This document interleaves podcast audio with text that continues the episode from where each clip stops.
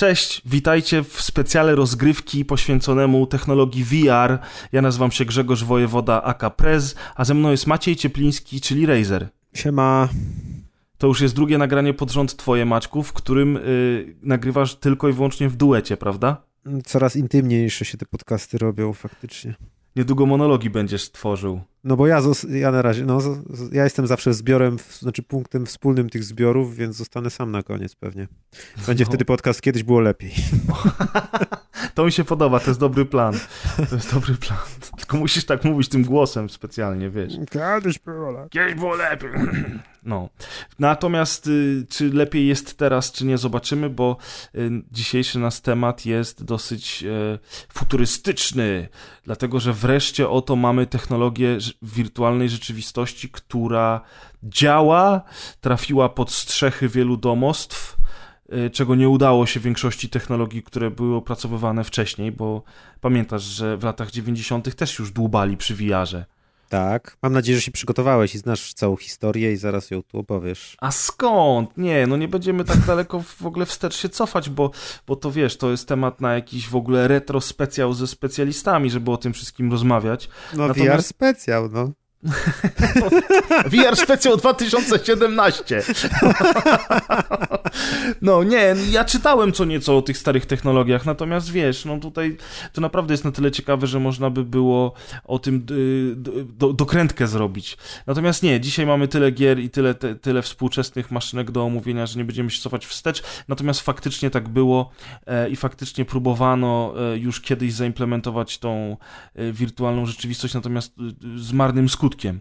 E, I teraz y, chyba po raz pierwszy w historii komputerowej rozgrywki, rozrywki, przepraszam, e, udało się y, jakby wreszcie to na tyle dobrze rozwinąć, że rzeczywiście jak, o jakimś sukcesie możemy mówić, prawda? Bo to nie jest duży mm. sukces chyba. Jak jakby spojrzeć na sprzedaż zwyczajnych gier czy, czy konsol chociażby, to jednak y, te, te, te, te sprzęty wirtualnej rzeczywistości nie trafiły do aż tak wielu użytkowników, ale to chyba jest raczej kwestia ceny niż samej technologii, jak uważasz? Mm, technologii też trochę, no ale to jest bardzo, bardzo wczesny start, można tak powiedzieć, takie raczkowanie jeszcze, ale można to uznać o tyle za sukces, że no na tyle to działa, że na pewno będzie rozwijane. To nie jest znowu taki strzał jak w latach 90., że spróbujmy zrobić 3D i to tam średnio się komu podobało i, i, i, umarło, tak tutaj no, jest potencjał, widać, że ten rozwój też następuje dosyć szybko, że, że to nie jest tak, że nie ma pomysłu, co robić dalej, tylko już powstały cały czas jakieś plany na nowe generacje sprzętu, na jakieś tam lepsze rzeczy, unikanie kabli, wyższe rozdzielczości, kąty widzenia i tak dalej, więc potencjał w rozwoju jest, technologia jest, będzie to wychodzić, firmy w to inwestują pieniądze, więc póki jeszcze giganci w to inwestują pieniądze i nie bankrutują, to nie jest źle.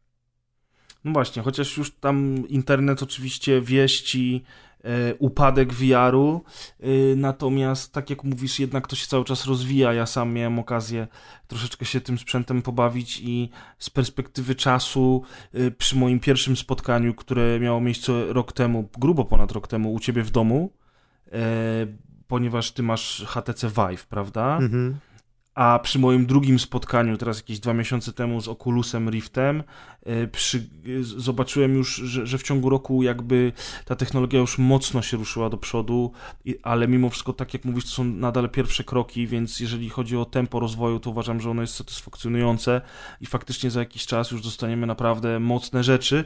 Natomiast Dzisiaj pogadamy sobie o grach, które obecnie już są dostępne na rynku, o grach, które graliśmy oboje.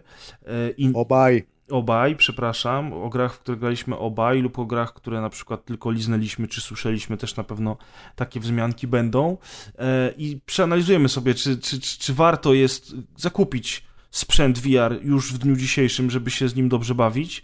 E, to jest jedno. E, I też zobaczymy właśnie, jak ten rozwój w grach VR y, się w ciągu ostatniego roku potoczył. No bo z mojej perspektywy to wygląda tak, że ja nigdy nie miałem styczności z tą technologią, dopóki nie, nie odwiedziłem ciebie i twojej małżonki y, we wrześniu zeszłego roku y, i pokazałeś mi tę zabaweczkę i jak pamiętasz, ja byłem zachwycony. Zresztą możecie zobaczyć materiał na naszym kanale YouTube z tego. Taki mm. krótki, śmieszny, który Maciek zmontował.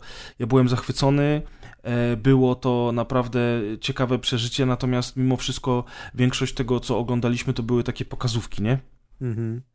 I czy ty od tamtego czasu, y, od tamtego czasu miałeś styczność z grami, które były rzeczywiście grami w VR-ze, w których mógłbyś spędzić więcej czasu niż godzinę, czy, o, czy odłożyłeś to w kąt? Tak naprawdę mój zestaw się kurzy przede wszystkim ze względu na to, że nawet na zwykłe gry mam mało czasu, więc to dopiero na VR-owe, a tak naprawdę to jest oddzielny rynek i, i trzeba się nim oddzielnie interesować, te newsy VR-owe śledzić na oddzielnych portalach, bo zwykłe portale o grach czy, czy grupy raczej się nimi nie dzielą, bo to jest taka nisza. E, no i w związku z tym, że i rynku nie śledzę i nie mam czasu, to po prostu te okulary leżą. Czasem je coś tam wyciągnę, żeby sobie znowu do Google Earth po, wskoczyć, pooglądać jakieś miasta w 3D, poprzypominać sobie, jakie to jest fajne, ale tak to praktycznie leży i się kurzy. Smutna prawda.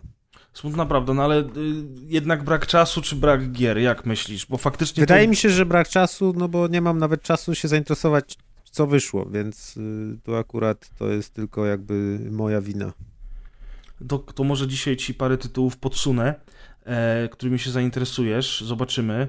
Natomiast powiedzmy od razu słuchaczom tak, że mamy trzy w tej chwili sprzęty y, naj, najmocniejsze na rynku, najbardziej liczące się, czyli Takie właśnie... high-endowe, można powiedzieć, z segmentu high-endowego. Czyli właśnie HTC Vive, e, które posiada Razer. Jest też Oculus Rift, który w tej chwili jest tak naprawdę liderem na rynku, prawda Maciej? Zarówno jeżeli chodzi o ilość sprzedanych egzemplarzy, jak i również o ilość eksów, które się pod niego robi. No chyba tak. I jest jeszcze P PlayStation VR, które ja miałem osobiście okazję e, przetestować. E, I to PlayStation VR jest najświeższym nabytkiem z całej trójki e, i moim zdaniem też najgorszym no ale wiadomo, to jest sprzęt, który się podłącza do konsol, e, które mają dużo mniejszą moc obliczeniową od komputerów, no i sama maszynka jest też o wiele tańsza od tego Vive'a od Oculusa. Chociaż ciekawostka, że Oculus znowu potaniał. I w tej chwili już można dostać nową sztukę nie na promocji, tylko oficjalnie w sklepie Oculusa za jakieś 1900 zł. To jest praktycznie połowa startowej ceny z zeszłego roku, nie? No, czyli, czyli, czyli drastyczny spadek ceny. To też pokazuje, mm. że sprzedaż nie jest wcale taka wysoka, y, jaką twórcy z początku zakładali, ale to też pokazuje, że ilość gier, która wchodzi i jak odpalisz sobie aplikację Oculusa, bo Oculus ma specjalną aplikację, podobną do Steama chociażby, e, na której się te gry kupuje, instaluje i gra, to jakby wysyp tych gier wiarowych jest coraz większy, wychodzą, wychodzą coraz większe pełnoprawne produkcje, czyli nie takie pokazówki godzinne, ale gry z krwi i kości e, i zakładam, że ta cena się zmniejsza też, bo te gry się sprzedają jednak, nie? Mm, pewnie tak. Nie mam pojęcia w sumie, czemu się oczywiście... zmniejsza. Ja obstawiam, że może jakieś yy, rzeczywiście to, że się nie sprzedaje, więc za niższą cenę sprzeda. Może technologia trochę potaniała. Na pewno wszystkiego po trochu, nie? No ja tak trochę z tym, z, z, tym, z, tym, z tymi grami i z tym, że te gry się sprzedają, to jest oczywiście tylko i wyłącznie moja teoria, nie poparta żadnymi danymi, szanujmy się. Press stwierdził, że gry się sprzedają. Nie, wi nie wiadomo, jakie są dane, ale Press tak stwierdził. Mieliśmy mieć, mieliśmy mieć trzeciego gościa dzisiaj z nami, y, Łukasza Dorosza, który, y, który generalnie rzecz biorąc trochę w tym siedzi i, i, i ogrywa i interesuje się tym. On na pewno po... I znałby fakty i Pewnie troszkę tak, bo Łukasz, Łukasz siedzi w, w biznesie growym mocno dosyć i, i na pewno... Myślałem, że siedzi, że powiesz, że siedzi w więzieniu i dlatego nie mógł nagrywać. siedzi, siedzi w wiarze. Siedzi w tak, wiarze, tak. Tak się już tam, wiesz... Nie ma z nim kontaktu od ponad roku. Za, zagubił się tam, tylko podajemy mu, wiesz, koktajle przez słomkę, nie? No. Natomiast faktycznie a propos tego zagubienia się, to ja ci powiem, że tak jak... Y u ciebie to było takie testowane na szybko, no bo wiadomo, byłem w gościach, mieliśmy inne rzeczy do, do no roboty tak, i, i, chwilę żeśmy pograli. Y, natomiast jak, jak dostałem sprzęt y, Oculusa do domu w, w ramach tam recenzji gry Detached i właśnie twórcy gry udostępnili mi na dwa tygodnie swój sprzęt, żebym mógł zrecenzować tę grę, to pobawiłem się troszeczkę z tym sprzętem. Przetestowałem masę gier oczywiście i faktycznie było tak, że, że przez pierwsze 5 dni to praktycznie nic innego nie robiłem, tylko siedziałem w tym VR-ze i po prostu testowałem coraz to kolejne rzeczy. No i pierwsze, e, pierwsze spotkania po, po roku z tą technologią, już z takimi konkre naprawdę konkretnymi pozycjami, jak chociażby ten um, Batman VR, który jest y, niby pokazówką taką rzeczywiście, ale jednak jest y, fantastycznie zrealizowany i, i tam, tam naprawdę ten świat wygląda obłędnie wręcz, a przypomnijmy o tym, że wbrew pozorom to te, te sprzęty wcale nie mają jakiejś niesamowitej grafiki, bo one mają przede wszystkim bardzo niską rozdzielczość, prawda? Maciek. No mają niską jak na mm, zapotrzebowania ludzkiego oka, ale jednak to jest w sumie prawie 4K, bo to są dwa ekrany, które w sumie mają tam chyba trzy ileś na na 2000 prawie, że rozdzielczość. Przynajmniej taką wymagają generowaną przez komputer, więc dla komputera to jest ogromna rozdzielczość wymagana, a za to dla ludzkiego oka wciąż jeszcze jest za mało tych pikseli. No, znaczy, wydaje mi się, że ten obraz generowany jednak jest dużo, mniej, dużo, dużo mniejszy niż ten, ta rozdzielczość, no, o której ty mówisz. Znaczy, y, to, to jest tak, że on na tych soczewkach też wygląda gorzej i niby, wiesz, po rozdzielczości takiej wysokiej spodziewasz się obrazu żyletki, a jednak to, co widzisz przez soczewki jest rozmazane i wciąż, wciąż ta rozdzielczość jest za mała. No niestety, natomiast to na pewno się będzie zmieniało. Y, a powiedz mi, jak ty miałeś pierwszy raz Vive'a y, na głowie, to, to jak dużo spędziłeś czasu z, z tą zabawką, zanim się znudziłeś?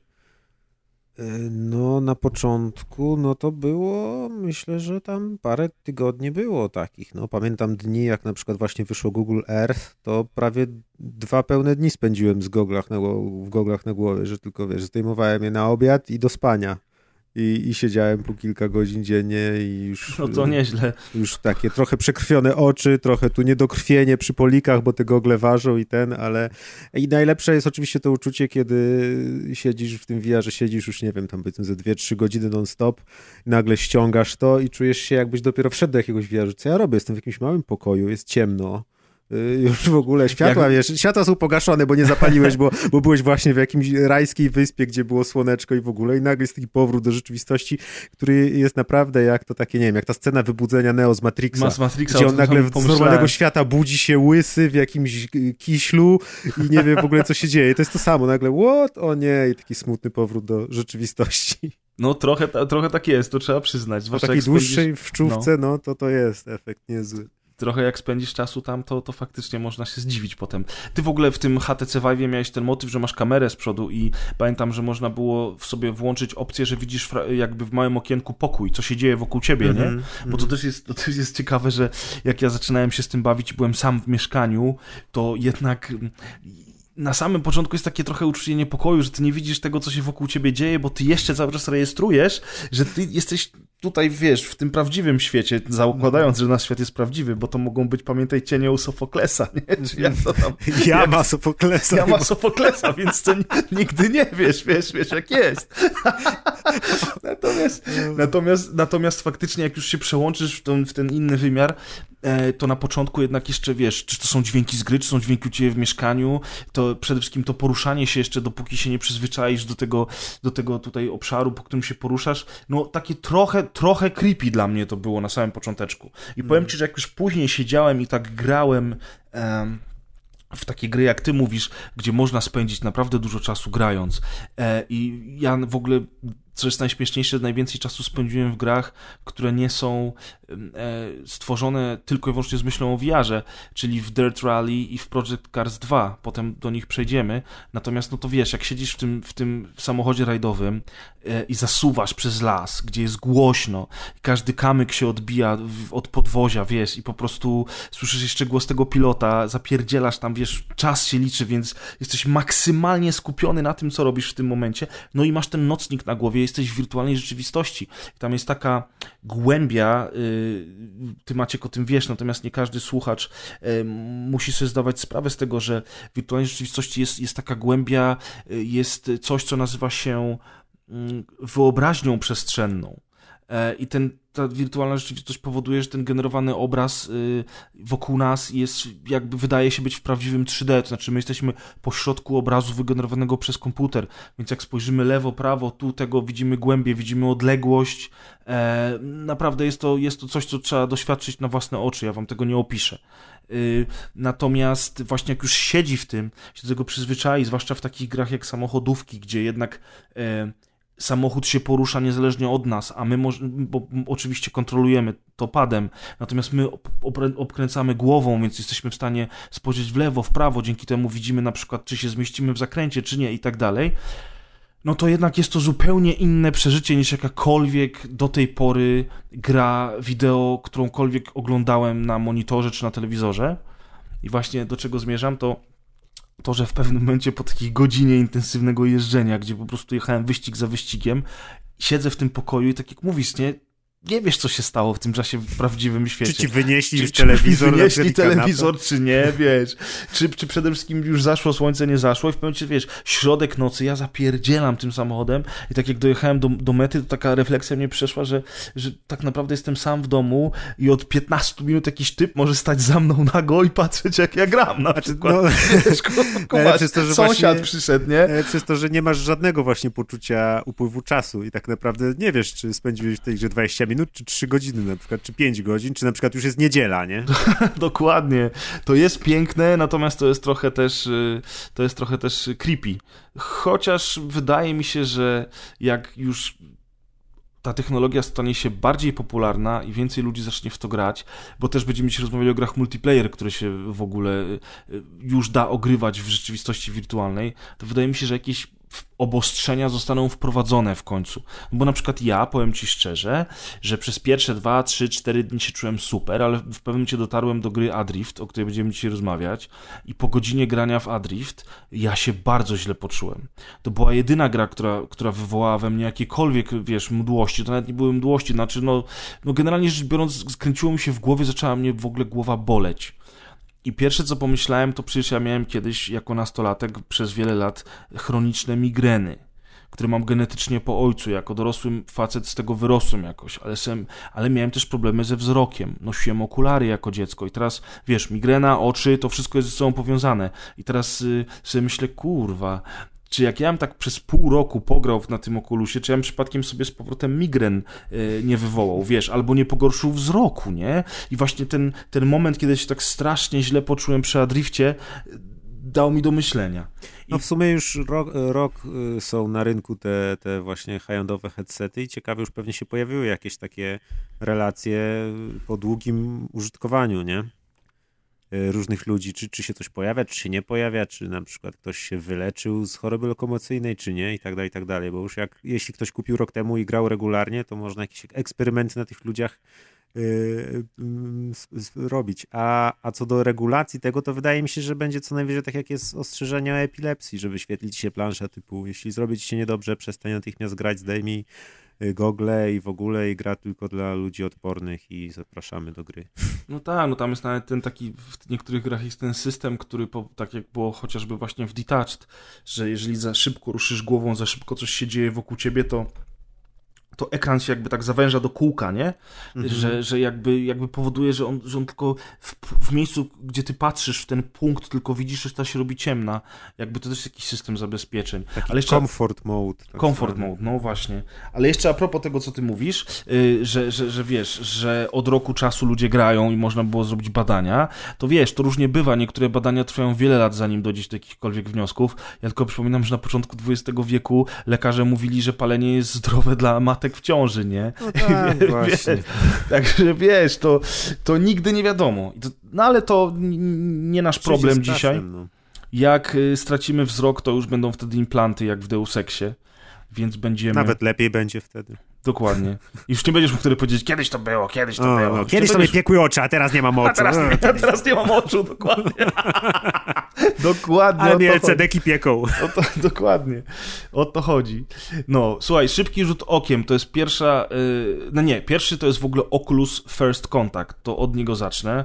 Tak szybko, to szybko. jak jakiś Star Trek. To brzmi jak Star Trek, natomiast to jest takie, taka śmieszna pokazówka, która się uruchamia po tym, jak już skonfigurujesz Oculusa, ustawisz te patyki, które rejestrują przestrzeń. Zresztą ja nie mam małej kawalerki, ale miałem ogromny problem, żeby sobie ustawić to pole, mm, wiesz, poruszania się na tyle, żeby było wygodne, żebym jak nie wystawię ręki do przodu, żeby mi zaraz się ta niebieska siatka nie pojawiła, bo w ogóle musicie wiedzieć, że w VR jest coś takiego jak, jak taki właśnie system rejestratorów. E, u Maćka to były bodajże cztery, prawda, w HTC Vive bo ty masz dwa z przodu i dwa z tyłu. Yy, nie, dwa są, one są na, yy, na skos, w rogach pokoju dwóch.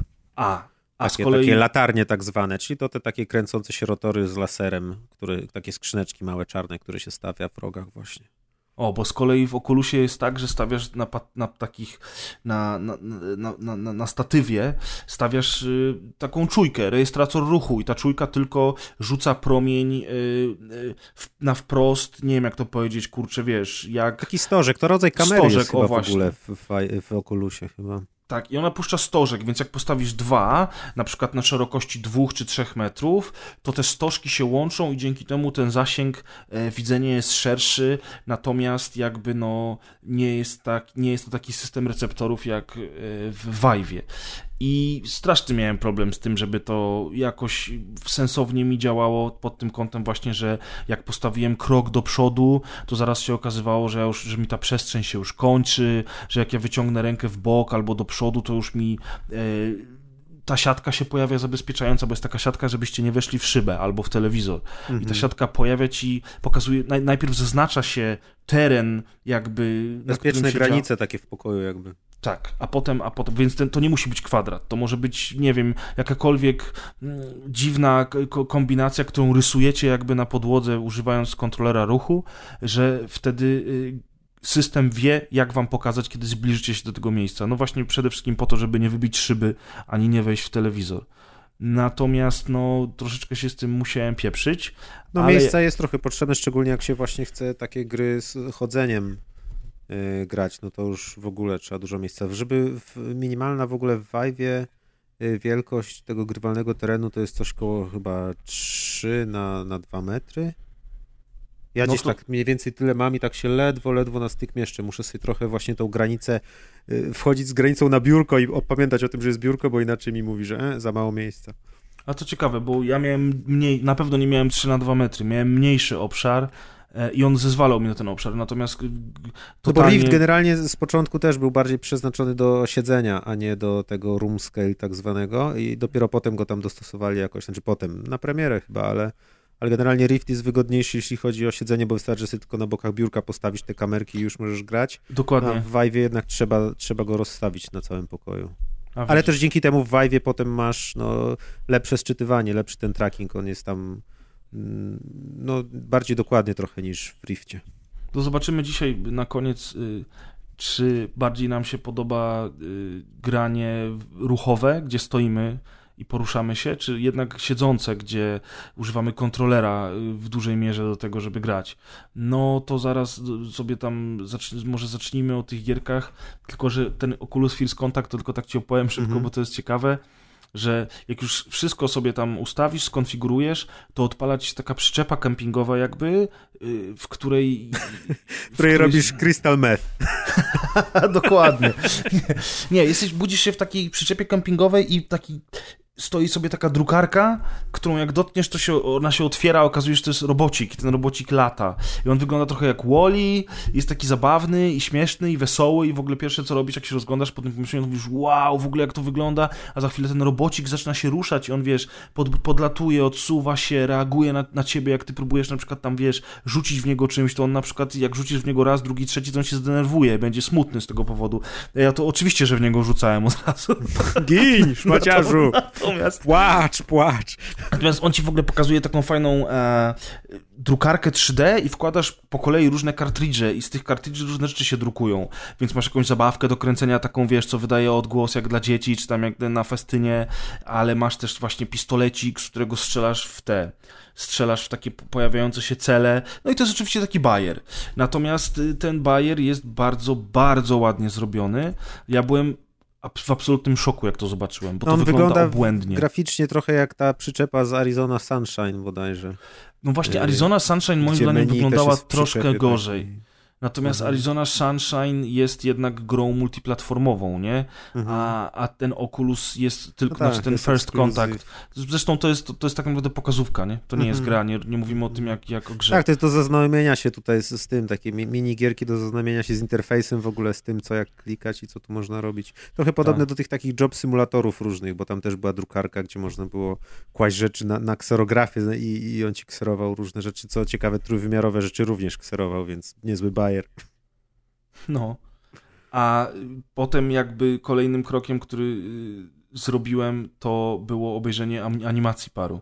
E, jest na przykład animacja Lost, w której stoisz w takim wielkim lesie i e, znajdujesz rękę robota która sama chodzi po tym lesie. Ona trochę wygląda jak taki, nie wiem, skorpion. Po czym się okazuje, że ten robot jej szuka i przychodzi, staje nad tobą i wiesz, i woła tą rękę, ona mu się podłącza z powrotem do przegubu. Natomiast ten robot jest wielkości budynku. I on jest mhm. śmieszny, bo on tak patrzy na ciebie, wiesz, kuca i mówi hello, zabiera tą rękę i sobie idzie. I to jest oczywiście pokazówka, która trwa tam 4 minuty ale znowuż jakby jakościowo to było niesamowite. Ja po prostu mówię, o kurde, nie? Tu jest ta głębia, to jest po to zrobione wszystko, żeby ci pokazać głębie, jak to światło przenika, wiesz co chodzi. Mm -hmm, To jest takie jak y, były bodajże chyba Krajteka, to takie demo z dinozaurem, gdzie siedziałeś niby w gnieździe dinozaura i one tam biegały i na koniec tyranozaur do ciebie przychodził i zaglądał. To takie właśnie podobne. No, no i był jeszcze, jeszcze był bardzo dziwny, e, jest, była, w ogóle to jest, to jest fajny sposób, znaczy fajny i niefajny, bo te rzeczy są darmowe i zauważyłem, że już dzisiaj e, studia filmowe używają tego, żeby promować swoje nowe filmy. Mhm. Bo na przykład był, była taka krótka animacja Invasion, która, która jakby obserwujesz y, królika, przylatują kosmici, oni tam chcą go zastrzelić, ale strzelają w, w lód, bo jezioro jest zamarznięte, spadają tam pod wodę, w ogóle bla bla i tam w ogóle narratorem jest jakiś y, y, Ethan, Ethan Hawke jest narratorem tego. Mm. I okazuje się, że to jest trailer filmu, który powstaje. Ja już widziałem potem ten trailer, jakby nie tą samą sekwencję, natomiast widziałem już trailer w kinie. E, I wiesz, i możesz to zobaczyć w tym wiarze i wiesz, dzieciaki to obejrzą i na pewno powiedzą, że chcą obejrzeć to w kinie, więc wyciągną rodziców. Tak samo widziałem taką pokazówkę Ghost in the Shell, tego filmu nowego. Ona była fatalna, była beznadziejna. Obserwowałeś, jakby kamera tylko jechała sama i podjeżdżała do, do, do tej laseczki, jak ona stoi na budynku na początku, wiesz. I ona ściąga mm. ciuchy, skacze w dół, ty lecisz z nią. Przy czym to były, to były jakby, bo ta animacja z tymi, tymi to chyba był to, to było jakby też trójwymiarowe, czy to było tylko taki jakby film 360? Nie, pełen trójwymiar, Aha, absolutny, okay. wiesz, jesteś w środku tego. Mhm. I z, tak samo z tym, go, znaczy go, z tym Ghost in Shell jest tak samo, natomiast ten Ghost in Shell był fatalny. Była ta scena z tymi robogejszami, jak, jak ona tam wpada i zaczyna strzelać. Nigdy nie pamiętam, jak ta agentka się nazywa z Ghost in Shell. Jak sobie Też mi z głowy teraz wyleciało.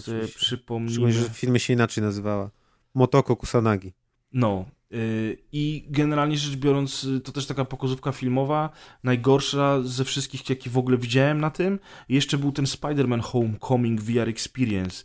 Ja się, z jednej strony się zawiodłem na nim, bo on też trwa kilka minut, a z drugiej strony w ogóle przeżyłem pierwsze wow, bo na początku stoisz sobie Spider-Manem na jakimś dachu budynku i wiesz, strzelasz z pajęczyny i zrywasz plakat ze ściany. No to jest przede wszystkim interaktywne, nie? A nie tylko samo oglądanie, tylko granie a, trochę. Tak, jakby. absolutnie, tak. Dlatego to już jest takie, takie jakby y, miks gry z pokazówką. I w pewnym momencie on, słuchaj, skacze na ten, on, on strzela z pajęczyny i to jakby ta technologia jeszcze nie jest tak zrobiona, żebyś ty mógł doświadczyć tego momentu, kiedy on leci na tej pajęczynie trochę szkoda. Natomiast ja nie żałuję z drugiej strony, bo jak tylko on strzelił pajęczyną, wiesz, w dźwig taki budowlany, który stoi w środku miasta na bardzo wysokiej, na bardzo dużej wysokości, bo on buduje jakieś tam drapacze chmur. I ja, pojawiła się animacja, że ja z tej ręki strzelam pajęczyną, ściemnił się obraz i już nagle znalazłem się na tym dźwigu.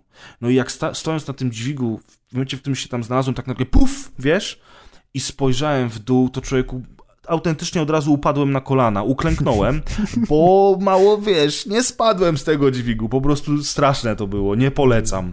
Czy nie są polecam. Już, są już gry, w których się właśnie taki, jest system poruszania się jak Spider-Man, czyli że się tam strzela laserem i przyciąga, albo takimi łańcuchami, więc jeśli ktoś chciałby takiego doświadczenia jak latanie prawdziwe Spider-Manem, to można to w innych grach znaleźć. Aż się dziwiłem trochę, że właśnie to demo oficjalne Spider-Man Homecoming VR było takie ubogie, bo, no bo już są gry, w których można się poczuć właśnie jak Spider-Man. Ale widzisz, było ubogie, natomiast yy, Batman Arkham VR jest w, w miarę długi, bo on trwa półtorej godziny. Natomiast jak weźmiesz pod uwagę, że płacisz za to jak za grę, to może to już to półtorej godziny już nie jest zaletą produkcji, bo to nie jest taki Batman, gdzie się bijesz, nie wiem, jakieś rzeczy robisz, tylko to jest taki Batman bardziej jak ten y, Job Simulator, o którym taka, wspomniałeś. Taka nie? przygodówka niby, nie? To jest taka przygodówka, taka wiesz, to jest taka, znowu, to, jest interak- to jest interaktywna pokazówka. Mhm. I zach zachwycony byłem oprawą graficzną tego, niesamowity jest dźwięk, w ogóle Oculus Rift ma słuchawki jakby w zestawie, zimplementowane, znaczy zaimplementowane jakby do całego tego hełmu i e, ten dźwięk jest tam naprawdę dobry. Ja byłem w szoku, że on jest aż tak dobry, bo te słuchawki wyglądają niepozornie. Natomiast Batman już jest taki właśnie, że tam rzucasz tym batarangiem, przeprowadzasz śledztwo, czyli obserwujesz, co się wydarzyło i tam cofasz czas, przewijasz, wiesz, jak w tym, w tym zwykłym Batmanie tam się przeprowadzało śledztwo. Mhm. Potem musisz tam rozbroić jakąś bombę czy coś, robisz, jesteś w ogóle w, na komisariacie i robisz y, nie tyle sekcji zwłok. Wypełniasz notatki, praca budowa, tak, piszesz raport. Gordonowi, wiesz. Nie? nie? ale tam coś, wiesz, no prowadzisz śledztwo, no jak będziesz grał, to ja nie będę ci też psuł zabawy, uh -huh. bo mhm. na pewno w końcu to zobaczysz. Warto to zobaczyć z względów wizualnych. Natomiast właśnie jak już wyciągałem ten mój, tą linkę do wystrzelenia, żeby na przykład tam w Bat Jaskini skoczyć y, piętro wyżej do czegoś tam, to już troszeczkę byłem przyzwyczajony do VR-a i liczyłem na to, że hej, może bym jednak y, zobaczył, jak na tej linie się leci. Natomiast też było cięcie, fade to black, jesteś już na górze, tam gdzie chciałeś się dostać. Szkoda wielka.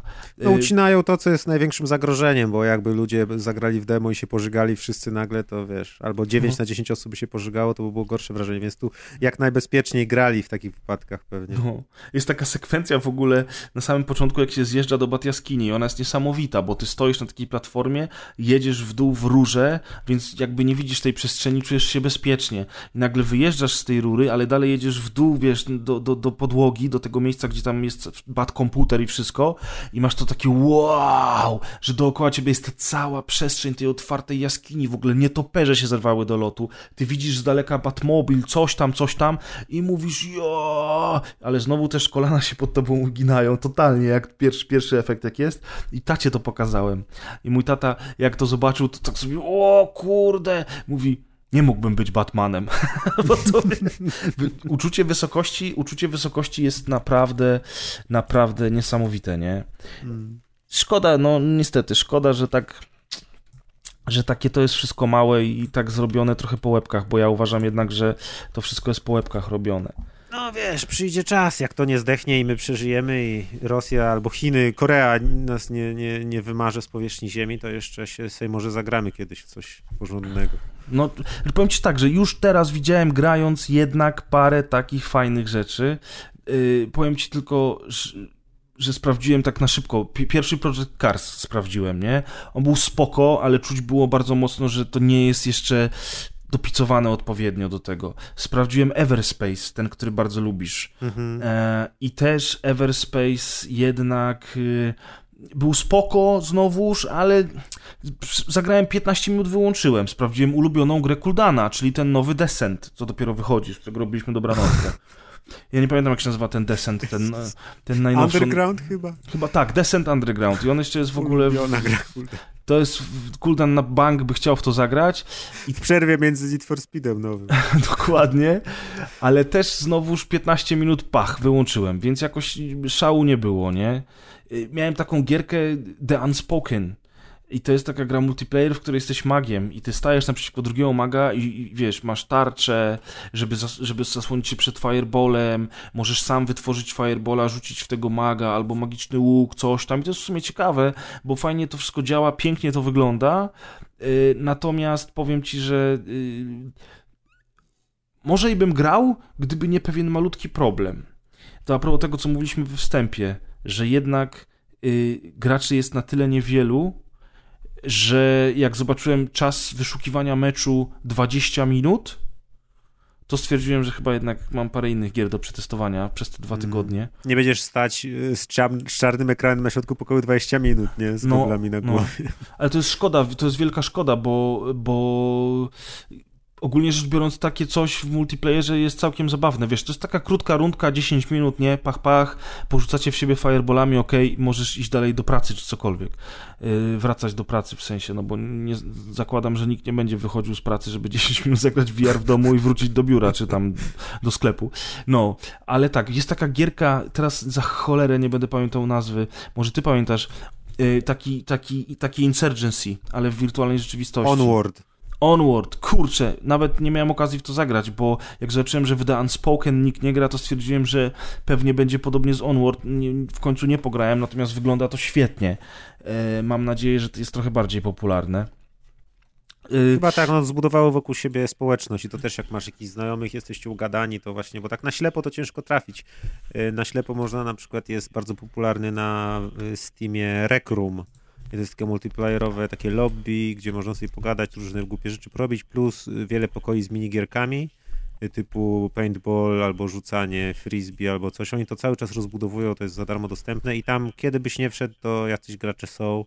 No ale to jest właśnie za darmo i popularne i dobre przede wszystkim, więc, więc tam ludzie są. A jeśli masz jakąś niszową grę o magach, którą wiesz, y, grało albo kupiło tam 50 osób na świecie, to już jest gorzej. On tylko, że to jest, się... że, tylko, że Unspoken to jest, y, y, to jest dobra firma, stary. To Aha. są, to są, to ja jest... tylko słyszałem o tej grze, kojarzę ją jakby ze screenów, ale nie, nie grałem, nie wiem nawet kto ją robił. Zaraz ci powiem. Ale bo... Onward na pewno wiem, że właśnie przez to, że jest jedyną tak dobrze dopieszczoną grą militarną, takim symulatorem militarnym z prawdziwego zdarzenia, to, że zbudował wokół siebie, wiesz, wziął tych wszystkich fascynatów właśnie, tych no tak, tam no ta. powalonych na punkcie tam fapowania do gunpornu i tak dalej. Tak, oni, w, oni w niedzielę strzelają do siebie z kulek, a potem przez cały tydzień zakładają hełm na głowę i udają, że są żołnierzami. No tak, rozumiem. Unspoken jest y, od Insomniac Games. Więc A, wiesz, no oni, też, oni też zrobili Edge of Nowhere, o którym dzisiaj będę opowiadał trochę więcej, bo taką robimy przebieżkę ogólnie po tych grach, natomiast jest parę produkcji, o których chciałbym tobie i słuchaczom opowiedzieć więcej i może nakłonić do tego, żebyś zagrał. Natomiast Unspoken na pewno nie będzie jedną z tych gier. Ja myślę, że możemy przejść do do tych gier, które mamy na liście. Ta lista jest ogromna, więc podejrzewam, że wszystkiego. Ogromna jest z 15 tytułów. No tak, ale wiesz, to będzie trwało i trwało. W ogóle y, zacznijmy, zacznijmy tak. Zacznijmy w ogóle od szczelania, nie? Bo jak wiadomo, szczelanie jest y, bardzo ważne w, życiu każdego gracza. Jedną Najpopularniejsze do zrobienia na wiarze. Otóż to, otóż to. Jedną z najbardziej popularnych gier obecnie y, na VR-ze, jedną z najlepiej wykonanych jest gra Roboricall od Epic Games. I zanim Epic zrobiło Roboricall, zrobili takie demo technologiczne, będące jednocześnie no, demem zwykłym, w którym można było na VR-ze pograć. Nazywało się to Bullet Train. Mhm. I było strzelanką taką zwyczajną, w której jesteś jakimś agentem specjalnej troski, E, i jedziesz pociągiem, który dojeżdża na stację, y, stację kolejową i wychodzisz z tego pociągu i strzelasz do złych terrorystów. I to trwa jakieś 10 minut łącznie, natomiast strzelanie w tej grze, możliwość celowania przez przyrządy, zmiany broni, rzucania granatów w tych ziomków i to jak oni się w ogóle zachowywali oraz w sam fakt, że ty możesz tam jakiś unikać tych kul, widzisz jak one lecą, coś tam, coś tam, to mega, mega wrażenie to zrobiło. Nie wiem, czy ty miałeś okazję zobaczyć Bullet Train. E, filmiki widziałem, ale sam grać nie grałem w to nigdy, nawet nie wiem jak. Bo to chyba nie było nigdy oficjalnie wypuszczone. Nie, no to jest normalnie za darmo do pobrania A, w aplikacji Oculusa. A, no to może to jest tylko na Oculusie. Możliwe. Bo A Roboricall? Na pewno filmiki widziałem. Czy Roboricall też jest ekskluzywne dla Oculusa? Yy, Podejrzewam. Wydaje mi się, że tak. Przy czym no na Vive można, są sposoby, żeby odpalić okulusowe rzeczy, niektóre, nawet większość, więc mm, akurat hmm. Robo Recall chwilę grałem. Przy czym to jest właśnie jedyna gra na VR, która mi na tyle słabo działała, że niestety nie dałem rady w nią grać, bo nie było tam płynności. Ale czy to, prze, czy to przez to, że, że, że to było z Oculusa na Vive, czy to przez to, że komputer nie dawał Wydaje rady? mi się, że raczej komputer nie dawał rady. A to szkoda, widzisz, no. to wielka szkoda. Bo właśnie Robo Recall jest bardzo dobrą grą, I uważam, że jeżeli ktokolwiek będzie miał okazję zagrać na VR, to powinien zagrać w Roboricall. To jest taka gierka, w której y, strzelamy używając do tego dłoni, natomiast trzymając te kontrolery ruchu w dłoni jest, mamy grzybek, który możemy wychylić e, tak, żeby, zobaczyć, żeby pokazać kolejne miejsce, do którego się teleportujemy. Więc, nie, więc poruszamy się skokowo. To jest technologia, która e, do tej pory królowała w grach VR e, i, i właśnie to skokowe poruszanie się w tego typu FPS-ach było zawsze zastosowane, czyli po prostu wybieramy miejsce, gdzie chcemy się teleportować, tym samym grzybkiem wychylamy się jeszcze w stronę, w którą chcemy być obróceni po teleportowaniu się, no i wtedy stoimy i strzelamy. I to w praktyce brzmi y, sensownie, natomiast w, y, tfu, w teorii, przepraszam, to brzmi sensownie, natomiast w praktyce im dalej w las, tym jest ciężej, bo jednak mm, człowiek nie jest przystosowany do tego, że, że porusza się skokowo i teleportuje się. Nie jesteśmy Nightcrawlerem z X-Menów, tylko jednak poruszamy się płynnie, co nie? No poza tym y, dynamika gry jest zupełnie inna. Właśnie nowy ten Doom na VR y, ma takie teleportowane y, chodzenie i to w ogóle nie wygląda jak Doom i w ogóle nie jest dla mnie atrakcyjne na przykład.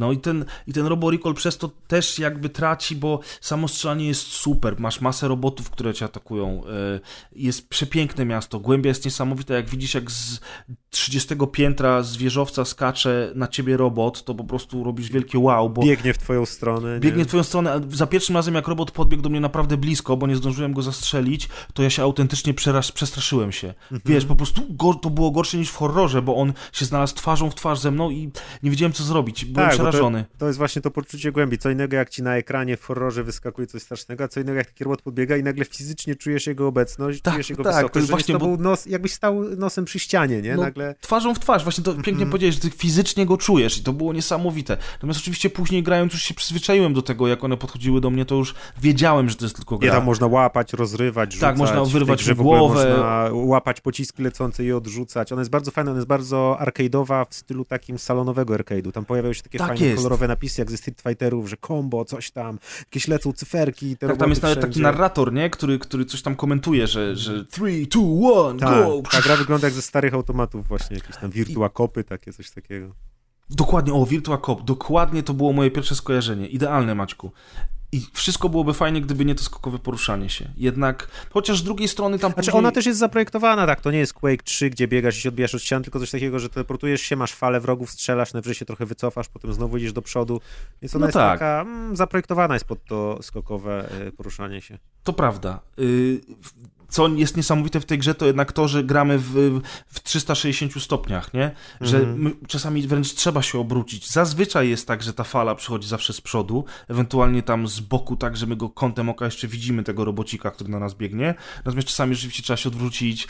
Człowiek się, wiesz, robisz, robisz normalnie El Mariachi, wiesz, jak się ten film nazywał? Desperado no. z Antonio Banderasem i nawalasz z tych, z tych shotgunów jeden w prawo, drugi w lewo, obracasz się i nagle ktoś cię woła, mówi Maciek, kurwa, ściągnij to gówno z głowy. Rzuciłeś wszystkie, wiesz, zastawę ślubną. A patrzysz, a stoisz w kiblu w ogóle.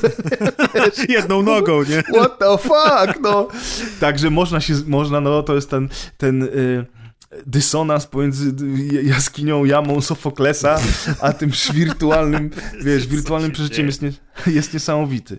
Także tak, Robo Recall e, na pewno warto w niego zagrać, chociażby właśnie przez ten mm, przez ten feeling takich starych y, shooterów na szynach. I właśnie jak jesteśmy przy shooterach na szynach, to miałem okazję zagrać na PSVR w Until Dawn, Rush of Blood. E, wiesz, co to jest Until Dawn? Tak, tak, tak. Grałem też w Rush of Blood na PGA chwilę. O proszę, to bardzo fajnie. I tutaj znowu mamy inny, inny sposób y, przedstawienia gry, jeżeli chodzi o grę akcji taką typową strzelaną, a mianowicie y, jest to, jest to dosłownie shooter na szynach, ponieważ y, jesteśmy w takim wagoniku, prawda? W wesołym miasteczku. Mm. I w tym wesołym miasteczku. Średnio wesołe to miasteczko jest. Średnio jest wesołe. Ja się spociłem autentycznie, jak w to grałem. Y, Brett kazał, kolega kazał mi w to zagrać i powiedział, że muszę koniecznie, bo on właśnie tego w Brawo, PlayStation VR-a. Brawo, Brett. I ja po prostu ja się zlałem potem, nie? Jak w to grałem, bo tam to może nie jest taki horror y, naprawdę straszny, ale to też nie jest lightowe. I jak jedziesz sobie w tym wagoniku, masz te pistolety i strzelasz do wyskakujących na ciebie klaunów, to są takie trupy klauny, nie? To momentami, jak wjeżdżasz w te ciemne, ciemne Właśnie, miejsca... Tam ciemność wszędzie. No. Słyszysz jakieś głosy. Ja w ogóle zobaczyłem w pewnym momencie, że jakaś postać, że mój wagonik się zatrzymał, jakaś postać przeszła kilka metrów przed, przede mną, z przodu i ja widzę, że ona mnie okrąża. Ja hmm. słyszę, że ona jest coraz bardziej po mojej lewej stronie i ja wiedząc to, że ona jest po mojej lewej stronie, zamknąłem oczy i mówię, dobra, niech ona już podejdzie do tego wagonika, niech ona krzyknie, ja chcę już jechać dalej w ogóle, bo ja ją słyszę, nie? Ale nie mam odwagi na nią spojrzeć sapać. Nie, to jakaś dziewczynka oczywiście była, bo oczywiście, że to musi być jakaś no straszna tak. dziewczynka. Tak. I wiesz, i ja tylko tak wziąłem, słuchaj, ściągnąłem ten hełm z głowy i tak dłońmi w lewo spojrzałem, wiesz, tym hełmem, żeby, on, żeby się sekwencja tak uruchomiła. jak lornetkę, nie? Do, dobra, jedziemy dalej. Nie spojrzałem na nią, ni chuja. Nie, to nie są gry dla mnie. Nie wiem, jak ty się czułeś grając w tego Rush of Blood. Yy no, gameplayowo to było nawet niezłe. To był pierwszy jedyny raz, jak testowałem PSVR na żywo. Jak testowałeś horror w VR-ze, pierwszy nie, jedyny nie, horror, raz. Horror testowałem parę razy, ale to jest, to jest już też zupełnie inna rozmowa. Ale PSVR e, było całkiem niezłe, bo spodziewałem się gorszej jakości wyświetlacza na przykład albo coś. a, a na pewno to nie było jakieś wyraźnie gorsze niż to, co pamiętałem z, z Vive'a. Te sterowanie tymi różdżkami było takie średnie, to śledzenie ruchów było zdecydowanie gorsze, one się tam tak telepały i ten, i wiadomo, no nie łapało w zakresie 360 stopni, tylko trzeba było, nie można było zasłaniać kamerki od PlayStation, ale gogle były całkiem niezłe, więc generalnie wyszedłem y, pozytywnie nastawiony po tym teście, chociaż no wiadomo, że w warunkach targów to, to się tak człowiek nie skupi. A sama gra była taka, mm, bo ja wiem, przynajmniej była spójna, teraz nie wiem jak jest teraz, ale jak ja rok temu patrzyłem na ten rozwijający się rynek VR-owy, to on został zalany przez yy, te gry indie, które wyglądały po prostu koszmarnie, były zlepione z pięciu rzeczy i, i były kostropate, kolorowe i od czapy i nic tam się nie, nie, nie, zgadzało. Takie przypominało mi to rynek komórek, kiedy nastąpił ten zalew tego krapu całego. Więc tutaj przynajmniej ten Until, yy, tfu, Rush no of Blood był, był taki no, zadesignowany porządnie i widać, że to robili normalni deweloperzy, a nie jacyś tam no, no, indyki takie dziadowskie. To jest ta najwyższa półka VR-u jednak, mimo wszystko, -hmm. nie? Chociaż ten sam, sam system jakby sposób na zabawę, chociaż wiesz, no tak Robo Recall też jest tak, jest prosty bardzo w, w podejściu, a trzecia gra z, z, z tego typu gier strzelanych, o której sobie teraz powiemy, to jest też bardzo prosta strzelanka, a mianowicie Sirius Sam VR, The Last Hope. Myśmy robili z niego dobranockę, więc możecie sobie zobaczyć, jak to wygląda w ruchu. Chociaż oczywiście, tak jak mówimy na dobranocce, to nie jest absolutnie oddające w żaden sposób to, jak naprawdę się człowiek czuje, grając w taką grę. No nawet się nie da oddać tej, tego pola widzenia y, w VR zupełnie. Ten, ten obraz wygląda inaczej, wygląda się jakby przybliżony, jakieś takie rybioko czy coś. Na goglach to wygląda jednak inaczej. Dokładnie. I generalnie rzecz biorąc, tobie się nie podobał, nie? Ten Serious Sam VR. Tak raczej byłeś No tak, on taki niezaładny był i taki jakiś prostacki i, i, też już właśnie może przez to moje zniechęcenie, bo, bo nastąpił w pewnym momencie wysyp tych strzelanek, kiedy się okazało, że to jest dobre, to bardzo łatwo było sklecić, wiesz, z asetów darmowych jakąś taką grę, wepchnąć ją i, i, i był taki przesyt ogromny, że, że strasznie mi się to przyjadło i ten Sirius sam jednak w porównaniu z takim Robo Recallem, no to wygląda o kilka klas słabiej wizualnie. Na pewno wizualnie wygląda kilka klas słabiej, natomiast mi się podobało bardzo w nim to, że ja nic nie muszę robić poza opera operowaniem rękoma. Nie? No tak, to jest taka gra typu jesteś wieżyczką i strzelasz na fale tak. wrogów jesteś wieżyczką, ale masz jeszcze dodatkowe wieżyczki i masz drony i masz bombardowanie orbitalne i wiesz, po prostu... No tak, no jest rozbudowana, to na pewno. Widzisz, widzisz jak tam to wszystko wybucha, flaki, wiesz, flaki się rozrywają, krew się leje i po prostu strzelasz i masz masę różnych rodzajów broni, łuk, miecz, tarcze i nie tarcze i po prostu stoisz w miejscu i strzelasz i zawsze strzelasz do przodu. Hmm. Nigdy na boki, nigdy do tyłu, czyli to było takie idealne e, VR experience dla takiego starego dziada jak ja. Tak, siedzi na kanapie, ręce tylko przed sobą. Nie, nie, właśnie to jeszcze jest ta gra, znaczy możesz usiąść oczywiście, natomiast to jest jeszcze ta gra, w którą A... gra się zazwyczaj na stojąco. Tak, nie? bo się uniki jeszcze robi, nie? Uniki, wiesz, naciągasz ten łuk, w ogóle się człowiek zmęczył, jak z tego łuku strzelił parę razy i...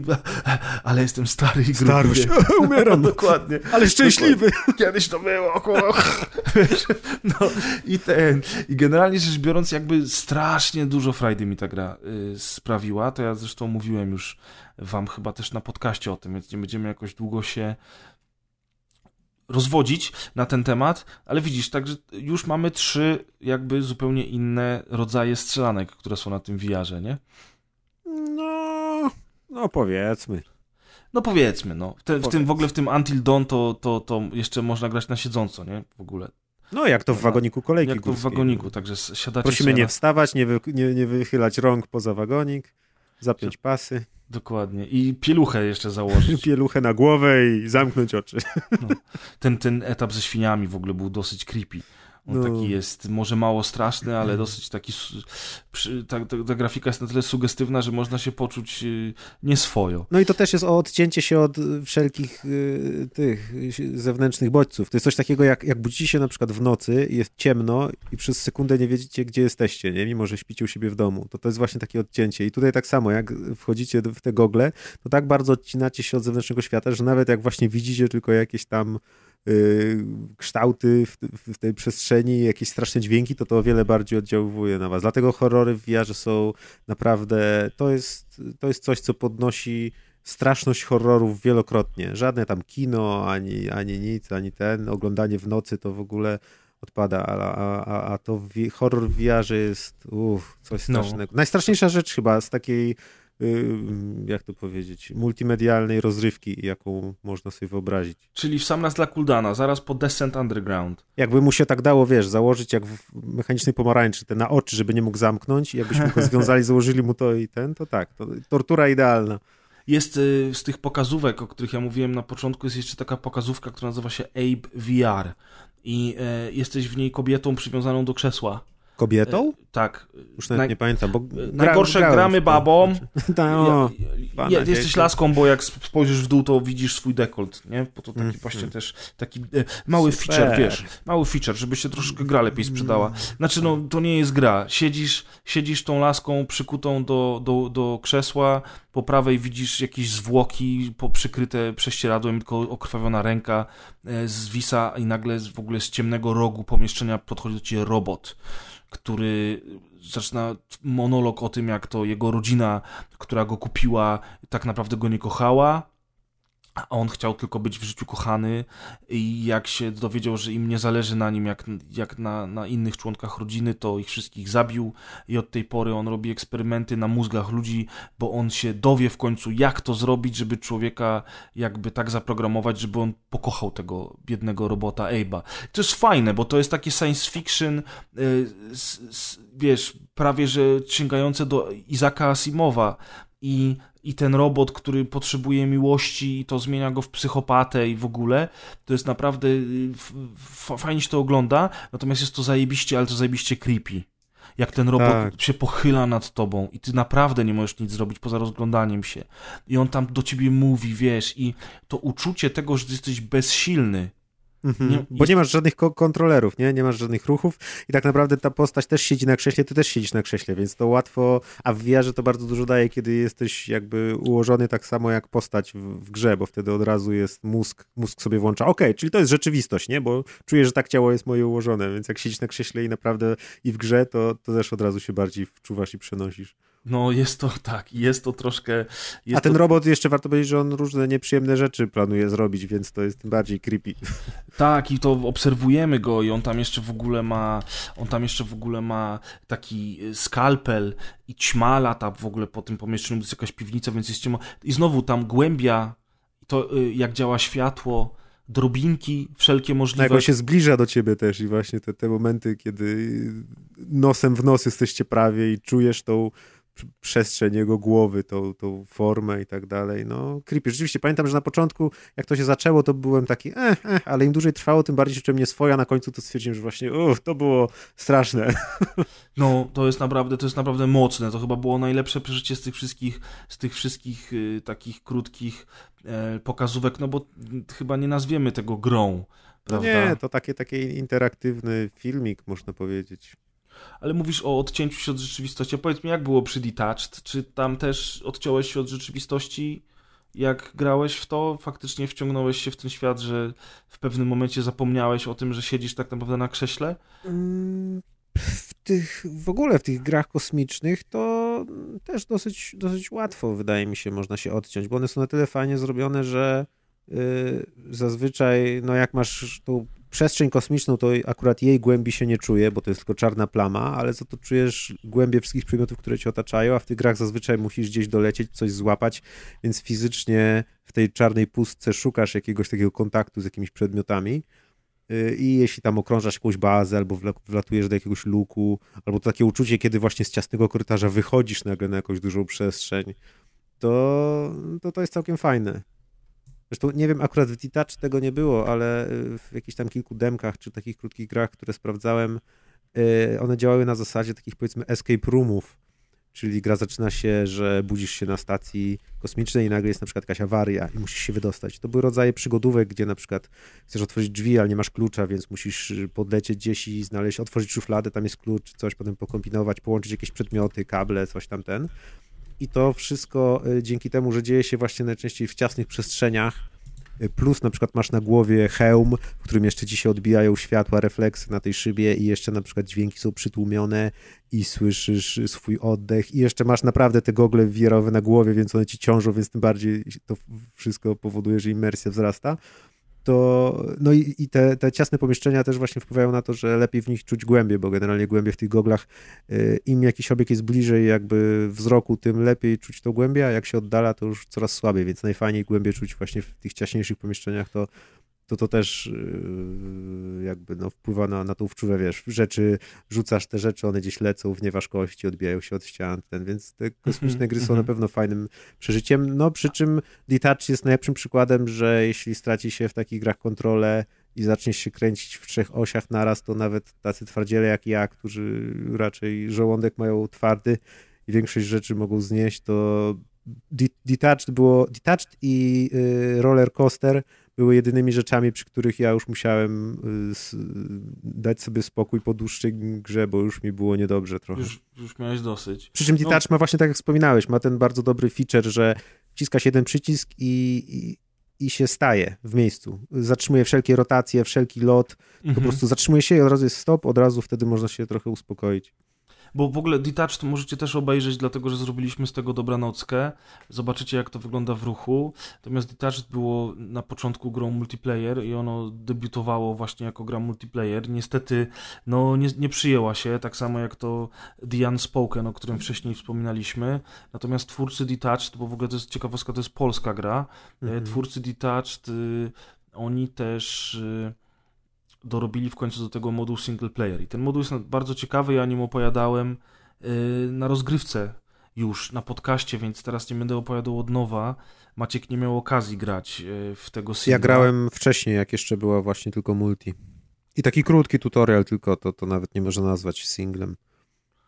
No, natomiast to, to, to, wszystko się zgadza, o czym mówisz, o tych ciasnych pomieszczeniach, o tym odczuciu tej przestrzeni lepszym. Natomiast jak się wychodziło z tych modułów kosmicznych, tych, z tej jakiejś tam bazy kosmicznej i wylatywało się w otwartą przestrzeń, to jednak też za każdym razem y, ten efekt wow w drugą stronę też działał, bo nagle y, kończył się korytarz, otwierała się śluza i ty wyjeżdżałeś i przed sobą miałeś po prostu tą ogromną, otwartą przestrzeń, gdzie mhm. bliżej lub dalej widziałeś y, różne elementy, inną stację kosmiczną, jakiś kawałek kamienia, wiesz, daleko gdzieś planetę, która już nie, no, ona już jest powiedzmy tylko takim pseudo 3D, ale ta cała reszta wokół ciebie jest jednak, y, jest jednak w, prawdziwej, w prawdziwym 3D, w jakichś odległościach od ciebie i to wyjście ze śluzy w otwartą przestrzeń też powodowało takie wow u mm, mnie przynajmniej. Taką pustkę na przykład. Zaczynasz lecieć no. w jakimś kierunku, patrzysz się za siebie, ta, ta, ta śluza się oddala i potem nagle widzisz, jak się do czegoś zbliżasz i wiesz, im to jest bliżej, tym jest bardziej takie rzeczywiste, zaczynasz czuć te, te, te właśnie głębie tego, no jest fajne.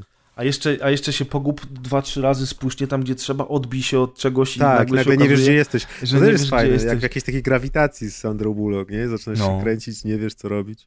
I w panika, podobnym... panika w podobnym klimacie jest Adrift.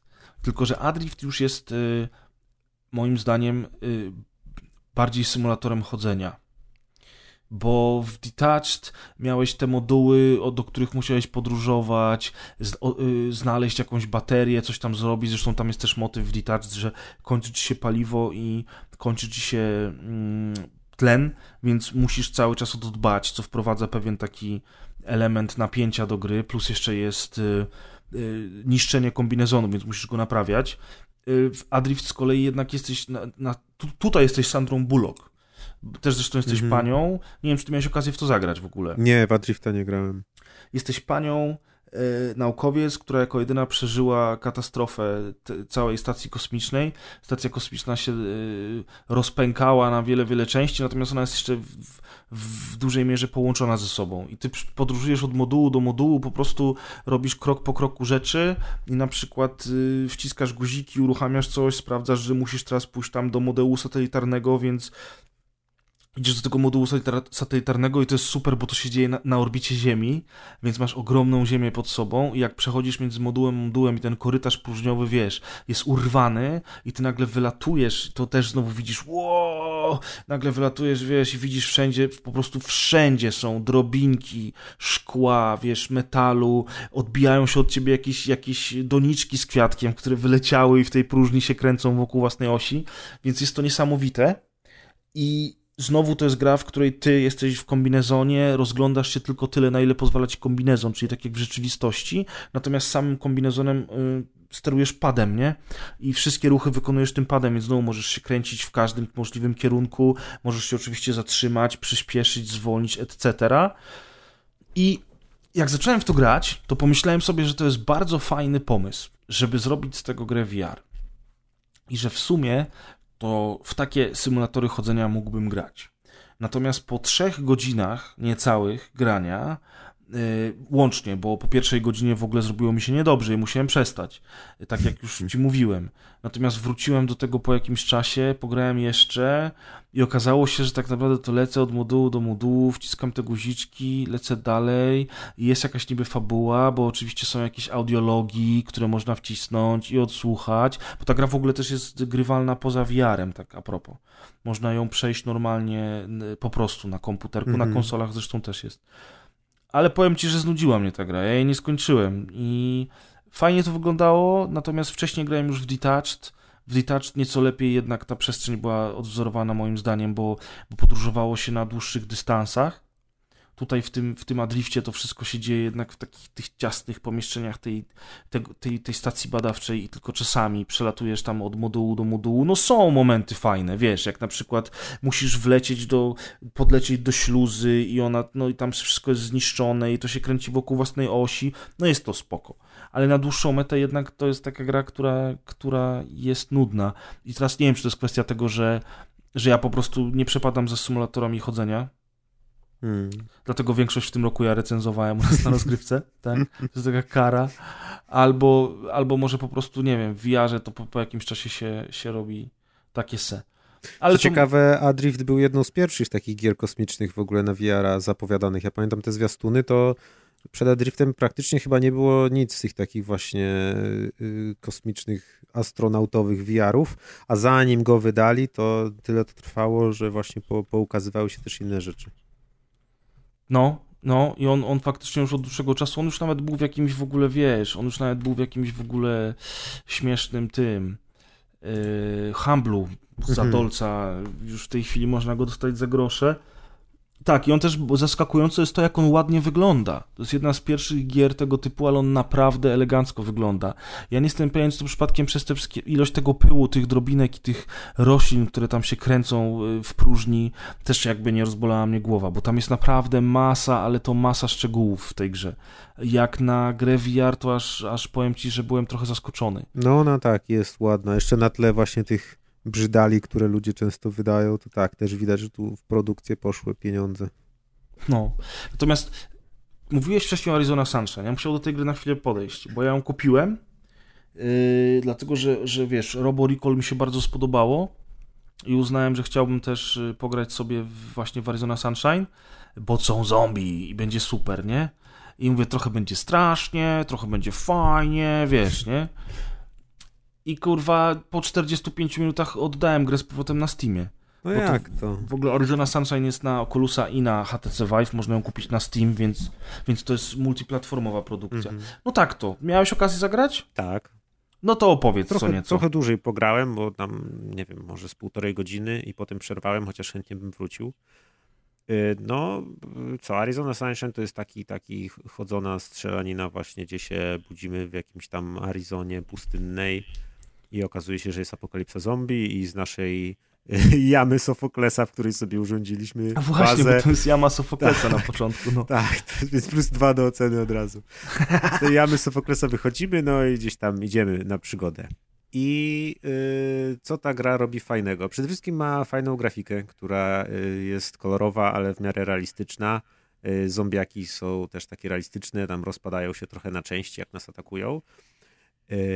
I ma całkiem dobrze zrobioną mechanikę, taką jakby autorzy popatrzyli na to właśnie, co się sprawdza w tych wszystkich grach i tych demach, które ludzie testują i zastosowali. Są rzeczy typu właśnie, że mamy na przykład pasek, teraz nie pamiętam, ale chyba tam jak się popatrzysz na swój pasek, to wyświetlają, czy na zegarku, na zegarku mamy y, stan życia, a do paska odkładamy sobie różne przedmioty. Możemy mieć bodajże dwa pistolety i wtedy przy prawej kaburze mamy jeden, przy lewej drugi, potem mamy magazynki, coś tam, coś tam. Ta wymiana magazynków też jest taka pomiędzy. Trzeba je zmieniać, ale nie jest to tak trudne jak w takich grach właśnie typu Onward albo innych symulatorach, gdzie Tak, ale jednak musisz wziąć, musisz ten, musisz ten magazynek wziąć i go przyłożyć jakby do pistoletu, nie? Do tego miejsca, tak, dobrze pamiętam. Tak, tak, tak, jakby wsadzić w ten, tylko wyciągnięcie tam jest łatwiejsze za jednym Bo w niektórych grach trzeba te pistolety jakby na wysokość pasa tylko obniżyć i wtedy jest reload, tak, tak jakbyś do kabury.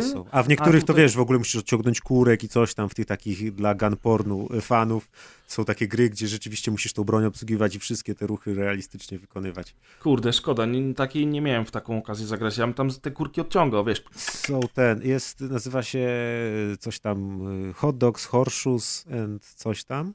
No ale to jest pewnie jakaś strzelnica, nie? Tak, to jest rodzaj strzelnicy. To, to nie jest taka gra jako gra, tylko taki symulator strzelnicy, ale jest tam mnóstwo broni dokładnie wykonane i tam można się właśnie pobawić takie rzeczy. Tam jest na przykład ten granatnik z Terminatora jednostrzałowy, który oh, ten yeah. charakterystyczny dźwięk wydaje. To wszystko bardzo uh. fajne jest. No.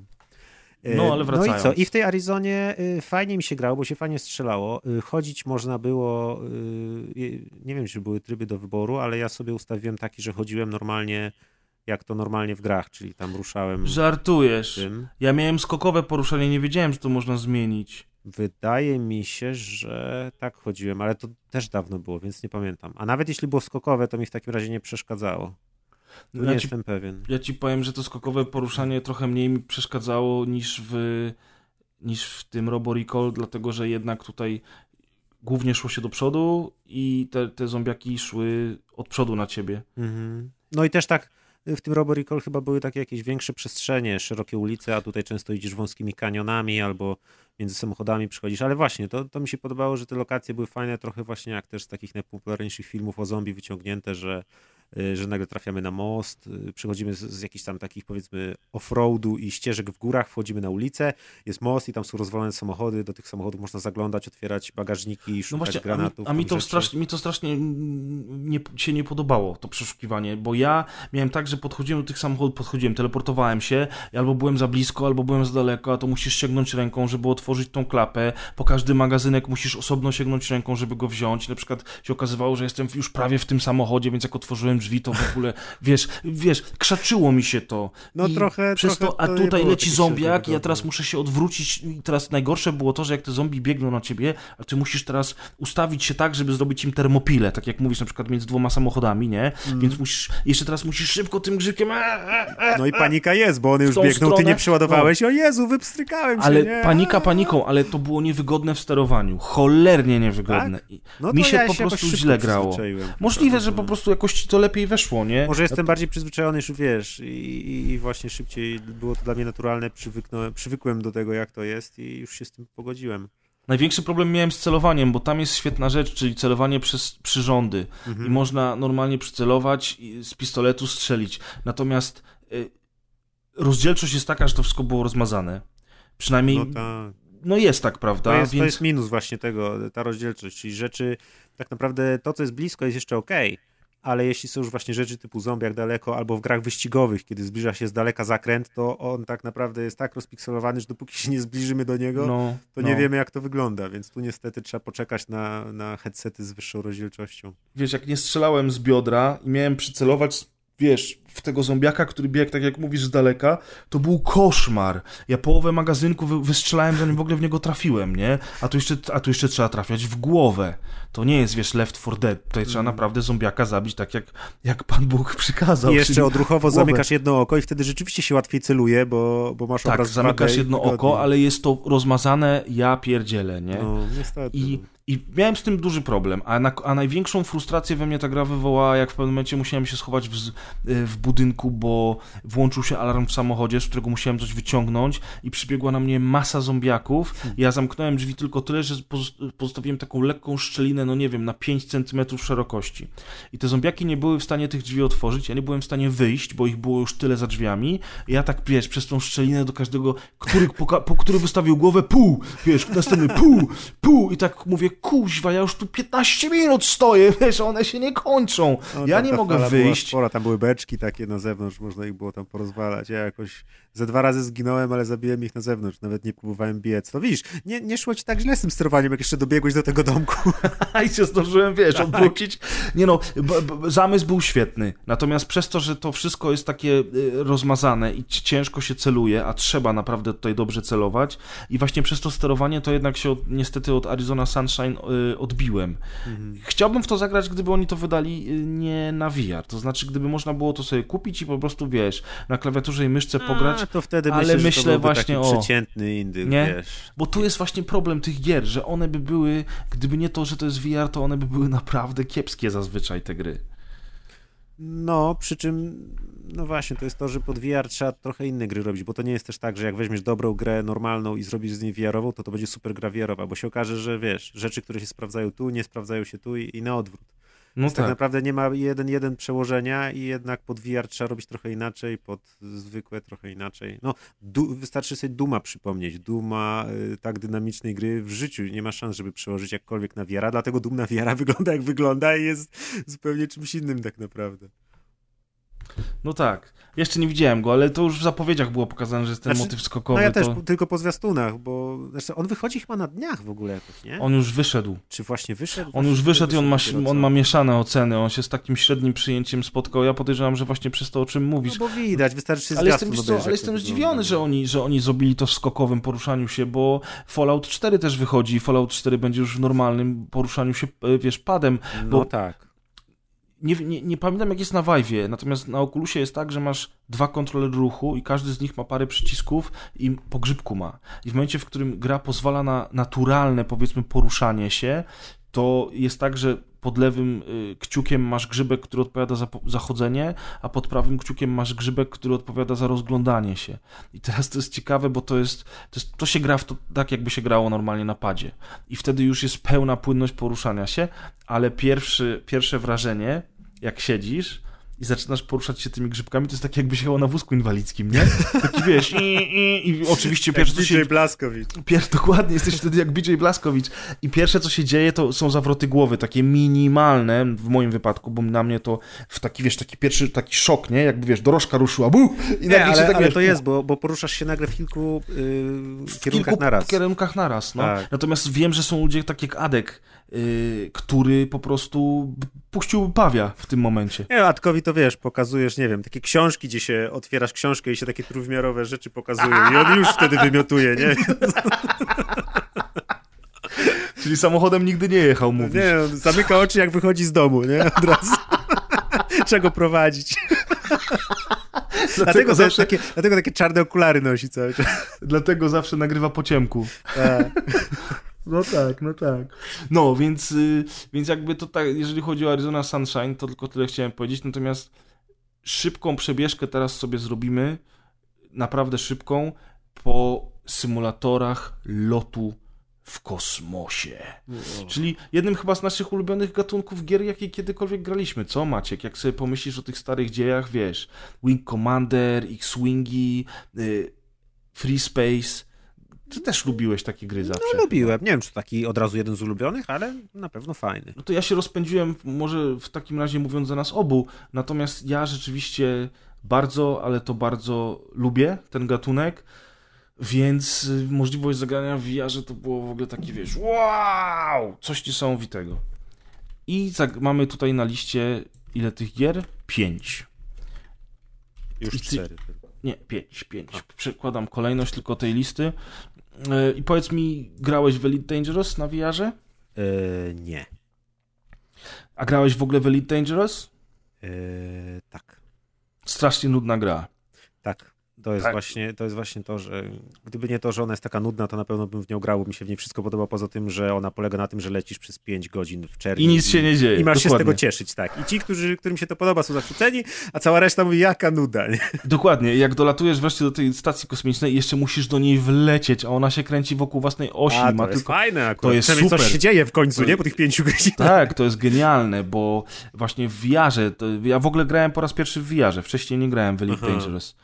I y, po prostu ten moment, jak dolatujesz do tej stacji kosmicznej. Tak, to dokowanie takie, prośba o zgodę, tak. dzieci przydzielają lądowisko, ty musisz jeszcze wycentrować, trafić w nie, operujesz ciągiem, to jest wszystko fajne, bo to jest realistyczne, to nie jest takie arcade'owe, tylko to naprawdę, to, to lądowanie trwa ze dwie minuty, nie? Czy coś, zanim wylądujesz, tak. więc to jest fajne. Stary, ja miałem problem, żeby w ogóle ty, tak się ustawić tym statkiem, żeby, wiesz, skoordynować y, lot mojego statku z lotem stacji kosmicznej wokół tak obijałeś, osi. Nie, nie mógłbym trafić w bramę, nie? Lecieć w tą bramę! No piękne. I to jest faktycznie niesamowite. Ja ci powiem, że jak o, o, wiesz, obudziłem, ja to mówię, że się obudziłem w tym statku, nie? Czyli zaczęła się gra, ja patrzę, o, tu mam kokpit, odwracam się w lewo, a tam mi się interfejs wyświetla po lewej stronie, inny niż po prawej, nie? To jest super. Pojawiają mi się cele, ja mówię, o, kurde, wyleciałem. Ten, ten kosmos, powiem ci, on jest y, jeżeli tam nie ma blisko obiektów, to on jest pusty. To znaczy no właśnie, nie, nie, czuć tej głębi. Czuć tej głębi. Mhm. Y, natomiast jak już te obiekty się pojawiają, typu ta stacja kosmiczna czy inny statek, to robi się dużo ciekawiej. Mi tam nie do końca walka pasowała. Ona też jest taka trochę jak na, jak na moje nazbyt realistyczna, więc y, tam dynamizmu dużego nie ma, ale ja też grałem to tylko chwilę bo ja skorzystałem z, znowuż z możliwości Steama, który pozwala kupić grę i jeżeli pograsz mniej niż dwie godziny, to możesz ją oddać. Zgrałeś y, godzinę 59 minut. No nie, ale tam grałem jakoś trochę ponad godzinę i faktycznie doleciałem tej stacji kosmicznej, natomiast już na tej stacji kosmicznej wylądowałem i wiesz, wnętrza tych stacji kosmicznych, tam się tam, no pięknie to wygląda, jest mm. niesamowity klimat, ale potem się okazuje, że twoje zadania to jest kup coś i sprzedaj gdzie indziej, zbierz coś i sprzedaj, albo leć i poluj na, na piratów i wszystko jest przedstawione w formie y, postaci, które są obrazkiem i masz ściany tekstu do, do czytania, nie? Nie wysiadasz w ogóle ze statku, tylko z menu to wszystko wybierasz. Tak, nie? wszystko robisz to na sta- będąc cały czas na tym swoim no tak, stateczku. to jest specyficzna gra, przy czym y, wszyscy powtarzają jakby, że w VR-ze w Elita się gra świetnie i że jeśli już mają VR-a, to grają zazwyczaj na VR-ze, z tego co słyszałem tam po opiniach. Mimo, ja... mimo tego, że, że ta rozdzielczość jest niska, oni tam y, akurat, y, ta ekipa, która robi Elita, dostosowali trochę interfejs do VR-u i tam pozmieniali, że te czcionki są większe, wrażniejsze i tam zadbali o to, żeby to było grywalne w VR-ze, ale też mimo wszystko na ekranie komputera te wszystkie właśnie menusy pięknie wyglądające, pięknie zadizajnowane UI, to jest żyleta, a na goglach mimo wszystko jednak widać, że to jeszcze nie jest ta rozdzielczość, żeby się cieszyć takimi detalami. No, no, trochę tak jest. Natomiast faktycznie, wiesz, ja wiem, że Elite Dangerous ma całą masę zwolenników i są ludzie, którzy tam studiują tę grę z każdej strony i powiedzieliby nam, że jesteśmy głupki, że, że, że nam się nie podoba, ale jednak ja jednak wolę te, te, te symulacje kosmiczne, które mają jakąś fabułę, jakieś zdania, jakieś misje, te misje się od siebie różnią e, i dlatego z wielkim, nieukrywanym wzwodem e, przytuliłem i w Valkyrie Warzone, bo wszyscy pamiętamy trailer, który zapowiadał tę grę. I to, było na, to miał być na e, PlayStation e, Exclusive na początku i był, nie? I był, on był, przez, on był na początku ekskluzywem, natomiast teraz, e, on się wtedy się nazywał po prostu Eve Valkyrie, natomiast teraz tak. niedawno ta gra przekształciła się w Eve Valkyrie w Warzone i, i do tego wszystkiego jeszcze stała się grą, w którą można grać bez VR-u. Natomiast ja korzystając z okazji, że ten VR miałem, to pograłem, zresztą Maciek, ty też pograłeś, zrobiliśmy tak. z tego też dobranockę, to jest trzecia dobranocka i ostatnia w VR-ze, którą zrobiliśmy. Mm, I e, tak jak mówiłem już na, na podcaście, bo też recenzowałem grę na podcaście, mnie najbardziej zafascynowała informacja o tym, że tam jest kampania dla pojedynczego gracza, natomiast okazało się, że ta kampania to są misje treningowe, podczas których latamy po planszach z multi i praktycznie tam się nic nie dzieje, na przykład jest zadanie w stylu zniszcz statek wroga albo zbierz znajdźki, ale jest też taki prolog fabularny, który składa się z czterech zadań. I ten prolog fabularny jest niesamowity, bo on y, pokazuje ci jakby takie singleplayerowe misje rodem z Wing Commandera, ale w wirtualnej rzeczywistości wygląda to po prostu obłędnie. Jak lecisz e, ze swoją eskadrą i nagle z przestrzeni kosmicznej, z hyperdrive'u tam wy, wyłania się flota wroga i to się wyłaniają ogromne korwety, wiesz, wielkości budynków i wylatują z nich stateczki wroga, z którymi za chwilę będziesz walczył, to naprawdę po prostu czujesz się jak małe dziecko, które pierwszy raz w życiu widziało cycka. To jest niesamowite. Grałeś w tę misję? Bardzo małe dziecko. Małe dziecko bardzo szybko widzi cycka tak naprawdę. Ale jeszcze wtedy O wiele szybciej niż my teraz na przykład często pewnie. No dobra, głupie porównanie, natomiast chciałem, żeby było jak trochę poetycko. Jest to poetyckie, jest to tak, niesamowite. Nie, no, jak to cycki. No, jak to cycki, dokładnie. No, o to mi chodziło w dużym skrócie, to był taki skrót myślowy. No, więc jakby widziałeś tę misję, prawda? Yy, tylko kawałek, bo coś tam, pamiętam, że miałem jakiś problem z tą, tą kampanią. Czy mi się gra wykrzyczała, jak ją włączałem, czy coś, więc coś tam nie, nie rozegrałem tego za dużo. No, znaczy tam dużo nie ma, bo tam łącznie to jest 30 minut grania. No wiem, ale nawet, nawet chyba właśnie nie pamiętam w końcu. Pamiętam, że miałem problemy z tym i nie pamiętam za dużo, żebym grał, więc możliwe, że nawet w ogóle coś nie mogłem tego uruchomić. Coś tam było, pa, e, faktycznie. Ale pograłem w to multi i y, tu jak teraz sobie patrzę na zwiastun zwykłej takiej wersji y, na monitory płaskie, to muszę stwierdzić, że znowuż to, co sprawdza się w VR, że tak, że ta gra jest za szybka jakby i kiedy grałem w to multi, to panował taki chaos i ten statek latał jakby w sześciu osiach obrotu mógł się poruszać. Ale ty i... mówisz o VR, czy jak grałeś na monitorze? Nie, płaskim? o VR, o VR, bo na monitorze jeszcze to idzie ogarnąć, bo to jest zwykły, wiesz, właśnie graliśmy w Descenty już w latach 90. i tak dalej i to już mamy obcykane, ale w VR tak dużo się Kuldan do dzisiaj gra w nowego Descenta Underground, codziennie przed snem pół godzinki, wiesz, pyk, pyk. Żeby jeszcze w starego grałem w nowego właśnie. No. Y, to pamiętam, że w tym VR tyle się działo, że trochę polatałem, ale nawet nie wiedziałem co robić, za bardzo nie wiedziałem gdzie lecieć, y, ciężko się było ogarnąć i to jest za, za dużo, za szybko, za dużo naraz. A to gry, ciekawe. Gry takie kosmiczne są bardzo fajne. Ja próbowałem właśnie teraz znaleźć, nie mogłem teraz sobie przypomnieć tytułu. Grałem kiedyś w taką, na początku właśnie w jakieś demo takiej gry kosmicznej, która była bardziej przygodówką i polegało na tym, że trochę się akcji działo na e, statku, gdzie tam w bazie takiej, gdzie upgrade'owaliśmy sprzęt i były jakieś cutscenki, gdzie poznawaliśmy fabułę, a potem wylatywaliśmy statkiem i tam, e, tam ta gra była o wiele spokojniejsza. Dużo opierało się na eksploracji, gdzie tak naprawdę trzeba było dolecieć do jakiejś na przykład e, asteroidy, wlecieć w krater, coś tam zebrać, coś tam uratować, potem przywieźć. Jak była walka, to też była taka trochę spokojniejsza i tam mi się mega świetnie grało. Naprawdę było, miałem czas, żeby się skupić nad tym, że, że czuję, że jestem w tym kokpicie statku kosmicznego, że jak się zbliżam do planety, to jak ocenić odległość, żeby się nie zderzyć i żeby coś tam złapać hakiem i tak dalej. A w, w, i w Valkyrie jest po prostu takim Quake'iem w VR-ze, który właśnie powodował, że nie, dostałem oczopląsu i nie mogłem się na czym skupić, trafić, wszystko się działo, ja nie wiedziałem, nie mogłem nic zrobić i no odpuściłem. To ciekawe, pamiętasz Dla mnie to jak... było za, za, za szybkie, za hardkorowe. Jak Kuldan na dobranocce oglądając materiał jakby nagrany już z VR-a yy, powiedział, że wydaje mu się, że ta gra jest mało dynamiczna, nie? No, I właśnie bo, wtedy bo tłumaczyliśmy wycinek mu... ekranu ten właśnie. Tak, tłumaczyliśmy mu, że no nie do końca. Ale to jest mm. ciekawe, co mówisz, bo ja, mi się straszliwie spodobało to w multiplayer w, i w Valkyrie. Yy, przez to, że to było w, przez to, że to było w VR-ze.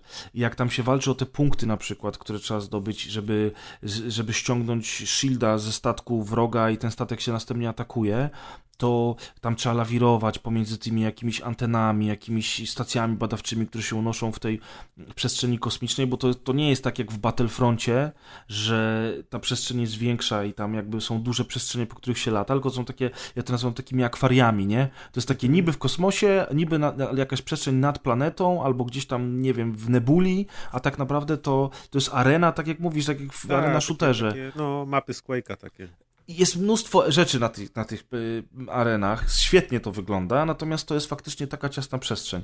Mi się to podobało, mi się podobała możliwość właśnie latania w wielu kierunkach tego statku, że można było się zatrzymać, obrócić, że trzeba lawirować między tymi, wiesz, jak ja na przykład goniłem przeciwnika i wylatywałem za stacji kosmicznej i widzę, wiesz, widzisz tą widzisz, czy zahaczysz, czy nie zahaczysz o tą mhm. stację kosmiczną. Czy zdążysz zrobić manewr, czy musisz zwolnić, czy musisz odbić, a jeszcze go ścigasz i cały czas w niego celujesz, musisz jeszcze go w tym czasie zestrzelić. To już po prostu jest milion rzeczy na raz i mi to się straszliwie podobało. Ja byłem niesamowicie w to wciągnięty w tym VR-ze, no ale niestety VR miałem na bardzo krótko i mm, jak Oculusa oddałem i próbowałem pograć w to normalnie na telewizorze i bez wirtualnej rzeczywistości, to ta gra totalnie, absolutnie nie sprawiła mi już żadnej frajdy. Mhm. Zupełnie inne odczucia płyną z tej gry, jak się gra bez VR-u. Mhm. Znaczy, ja przez to, że to działo się tak szybko, już pewnie może jestem na to za stary, ale nawet nie miałem właśnie czasu się rozglądać. I tak jak właśnie w tych grach kosmicznych można się rozglądać po kokpicie i podziwiać to i patrzeć, czy właśnie nie zahaczy, czy coś, to tutaj to się tak szybko działo, że ja nawet nie miałem czasu i tak naprawdę nie korzystałem z tego, że wiesz, że można powiedzieć, że o, śledzisz cel i się patrzysz do góry i on ci nie ucieknie, czy coś, a tu nie, tu byłem cały czas skupiony na tym celowniku, który był z przodu.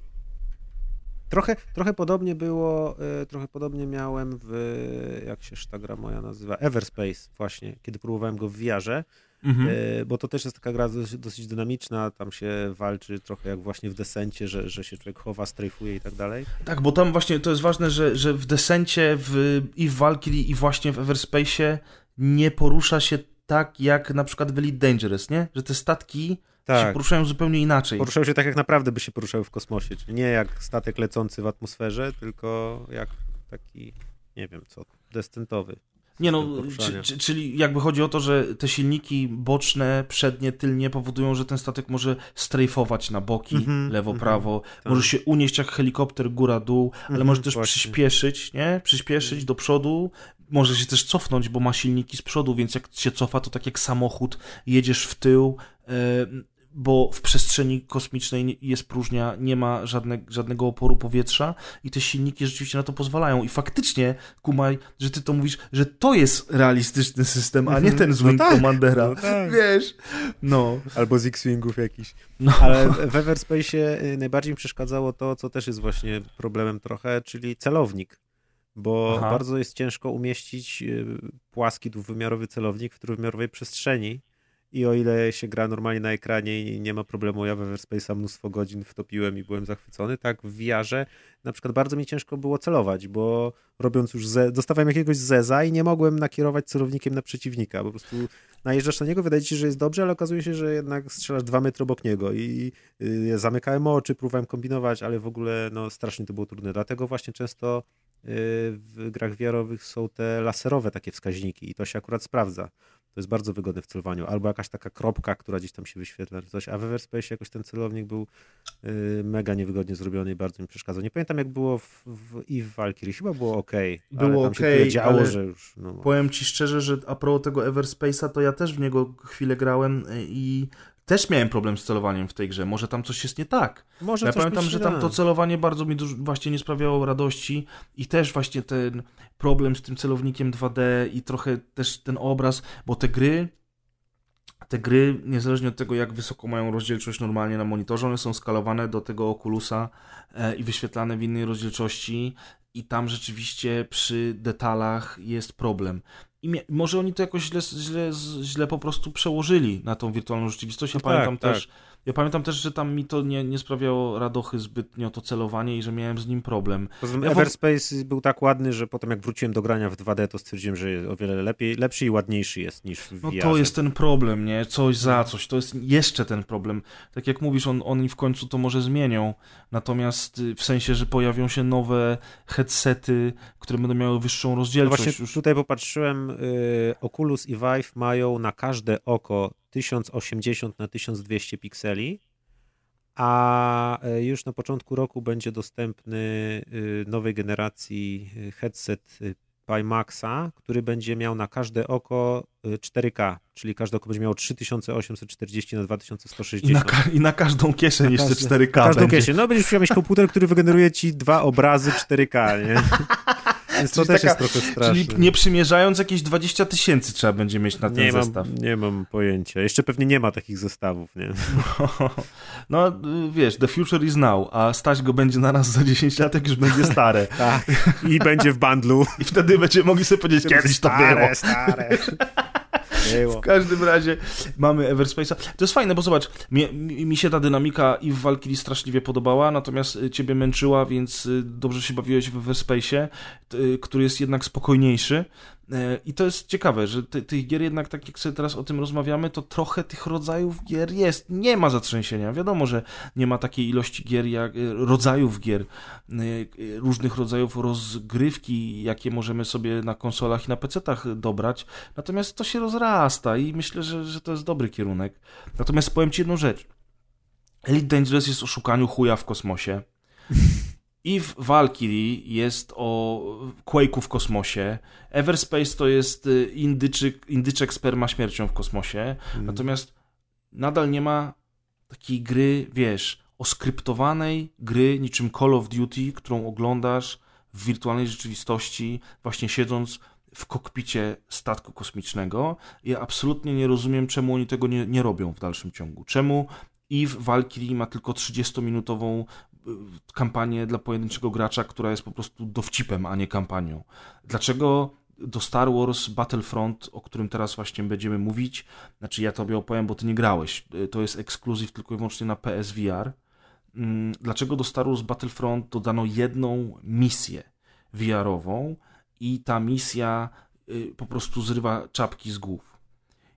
I ta misja jest oskryptowana, ma fabułę, lecisz sobie w X-Wingu, rozmawiają sobie piloci między sobą, rozumiesz, w tym X-Wingu, mijasz wielkie, rebelianckie korwety i to jest... I największą mocą Gwiezdnych Wojen jest to, że są Gwiezdnymi Wojnami. Mhm. Czyli ty znasz te statki z filmów i teraz widzisz, że przelatujesz koło takiego statku i widzisz, że on jest ogromny, że on jest wielkości budynku i ty pod nim lecisz. W końcu I... możesz ich doświadczyć w rzeczywistości tak naprawdę. Tak.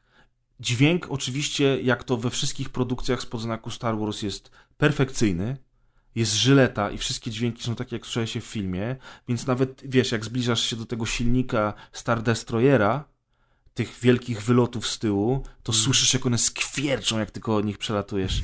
I to jest niesamowite. I walka w Battlefront, bo to jest, to jest dodatek do pierwszego Battlefronta, do tego, który został wydany dwa lata temu.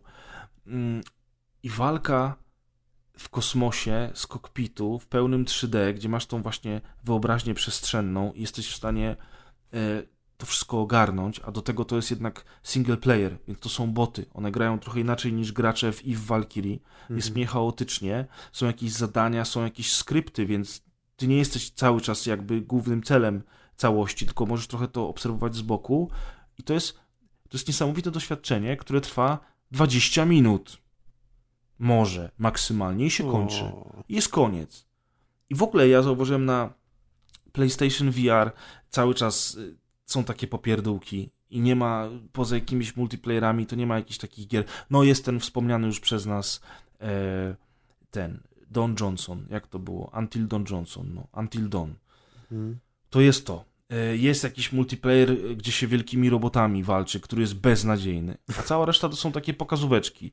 No i ten Battlefront pokazał, czym mogłoby być to VR, że y, konsola PlayStation jest w stanie to uciągnąć. Tam oczywiście też rozdzielczość jest fatalna, tam aż, aż to się aż rozmazuje momentami przed oczyma. Natomiast czemu oni tego nie robią? Słuchaj, druga pokazówka, którą mi pokazał Brett. Infinite Warfare dostało takie samo VR misje, jak dostał Battlefront jest jeszcze lepszy. Ja, to nie dlatego, że jestem fanem Dudi, tylko dlatego, że oni właśnie rob, że oni co potrafią zrobić najlepiej? Potrafią zrobić pełną akcji, oskryptowaną misję, w której wszystko dzieje się bez ciebie, rozumiesz? Mhm. Że ty tam wchodzisz i ty myślisz, że wiesz, ale jestem kapitanem Rejesem, zaraz wam pokażę. I latasz tym stateczkiem i robisz piu, piu, piu. I wokół ciebie się dzieją, wiesz, kosmiczne sceny rodem, kurwa, z Michaela Beya. I to jest to jest wypierdoloza. To idealnie pasuje określenie, to jest wypierdolone w kosmos. Ale czy to, jest, czy to są te same misje, które były normalnie w kampanii, nie, czy nie, nie, nie, nie, nie. To są misje dorobione specjalnie pod VR-a. One są, one są zbudowane od zera. I dlatego ja mam pytanie, dlaczego nie można zrobić takiej gry Call of Duty Infinite Warfare VR, w której y, robisz 15 misji, każda po 20 minut, dajesz, nie wiem, dwa, trzy poziomy trudności, człowieku, ludzie by to w, w klatę sobie wcierali, to jest takie dobre, wiesz. No, najpierw musieliby kupić VR-a. Ale PlayStation. VR się dobrze sprzedał i oni będą teraz robili nowszą wersję. PlayStation VR jest bardzo dostępny cenowo i widać po tych dwóch y, misjach, czyli po Battlefroncie i po Infinite Warfare, że konsola sobie świetnie z tym radzi. Dlatego jestem w szoku, że tego się nie produkuje. Bo wiesz, mamy tą technologię VR, mamy możliwości przerobowe w tej chwili już i nic z tym nie robimy. Lepiej zrobić, wiesz, gierkę o dwóch magach, którzy rzucają siebie fireballami. Wiesz, co mi chodzi? No wiesz, okay. no, łatwiej jest zrobić dwóch magów, to jest gra na multi i tak dalej, tutaj masz licencję i tak. Wydaje mi się, że wciąż jednak się to rozbija o i o pieniądze za licencję, i o pieniądze na produkcję, i o rynek dostępny.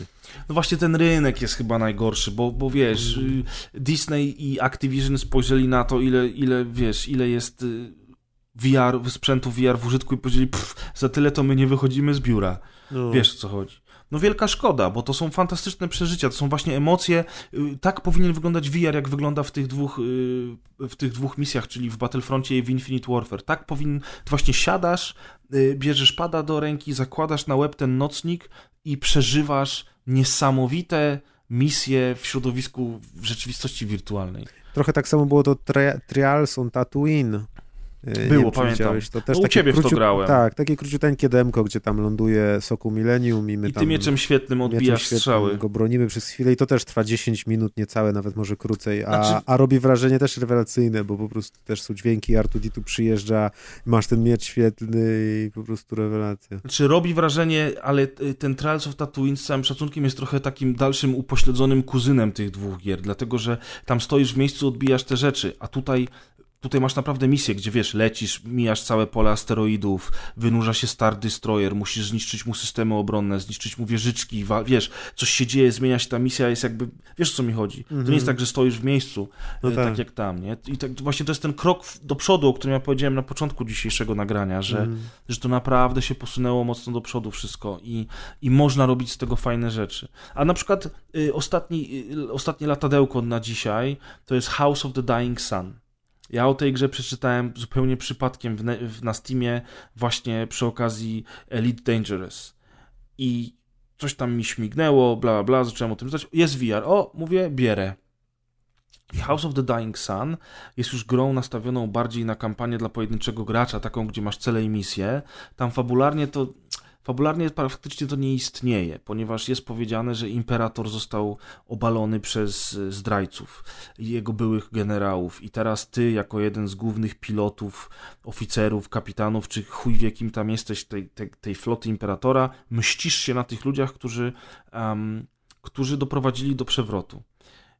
I robisz normalnie misje, w których siedzisz za, za sterami stateczka i robisz różne rzeczy. Na przykład musisz zniszczyć dwa transportowce, które przewożą y, uciekinierów, plus oczywiście pojawiają się wtedy przeciwnicy, którzy ich bronią, plus na przykład musisz przejąć transport, który gdzieś tam leci, albo masz obronę stacji kosmicznej, która jest atakowana przez jednostki wroga i robią się nagle z tego takie...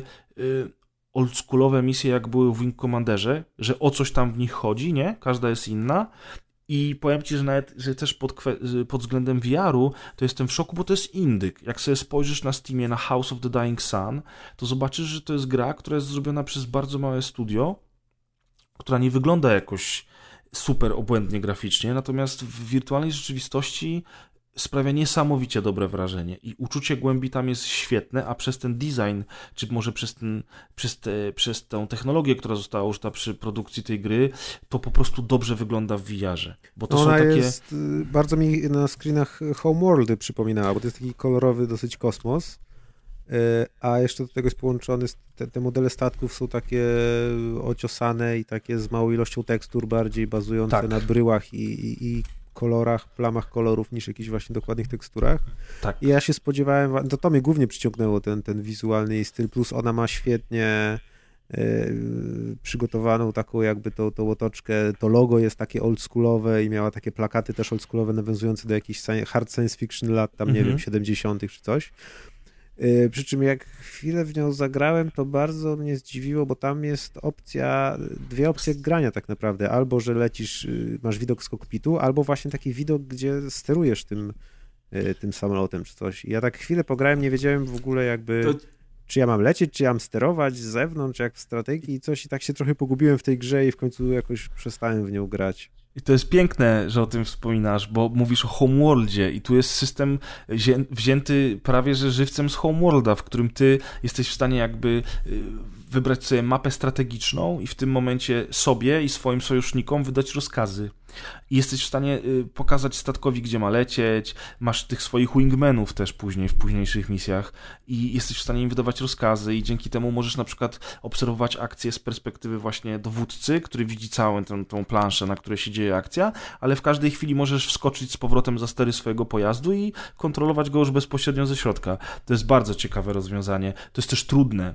Ja ci mhm. powiem szczerze, że ta gra jest dosyć wymagająca. Tak, to I, też pamiętam. I tam pamiętam, że jak tylko dostałem wingmana i pierwszym takim celem pobocznym było to, żeby on przeżył, to w ogóle mi się nie udało tego zrobić, chociaż wielokrotnie próbowałem, bo on za każdym razem mi ginął. E, i, ale, ale dobrze się w to gra. I właśnie przez to, że taka, a nie inna grafika jest dostosowana, że są takie bryły, że jest mało tekstur, to, to po prostu dobrze wygląda w VR-ze, powiem ci. No jest ładna i czytelna. Widzę właśnie, że ma tutaj bardzo pozytywne opinie. 90% recenzji jest bardzo pozytywnych na Steamie. Tak, ona, ona, wyszła, y, ona wyszła nieco ponad rok temu. Ja w ogóle o niej nigdy nie słyszałem, dopóki nie miałem VR-a i trafiłem na nią zupełnie przypadkiem. I można w nią grać bez VR-a też, bo widzę, że to jest tylko tryb Tak, tak, absolutnie no. można w nią grać bez VR-a i to jest, to, to jest też y, y, bardzo ważna informacja. Ja tę grę serdecznie wam polecam, bo uważam, że że jest warta uwagi, nawet jeżeli nie jesteście zainteresowani samym VR-em, a chcecie sobie polatać w kosmosie. No i to tak skończyliśmy kosmiczne tutaj przygody. Ci powiem, Maciej, tylko jeszcze a propos ścigałek, dwóch, o których mm. mówiłem na początku, wspaniałych. I potem przejdę do, do, do ostatniej jakby recenzji tego naszego dzisiejszego odcinka, dlatego że jest jedna gra, o której chcę Ci powiedzieć, bo ona jest bardzo wyjątkowa, jak na te wszystkie gry, które dzisiaj omawiamy, ale zanim do tego przejdziemy, to z tych wszystkich gier, o których dzisiaj sobie rozmawiamy, i z tych gier, które są projektowane tylko i wyłącznie pod VR-a, z tych gier, które są robione z myślą o tym, żeby pokazać właśnie możliwości tego kosmicznego badziewia, jak masz je na głowie, najlepiej i najwięcej, najlepiej się bawiłem, najwięcej czasu spędziłem z dwoma samochodówkami, które, w które można grać też bez VR. I jedną z nich jest Dirt Rally, który jest bardzo wymagającą grą.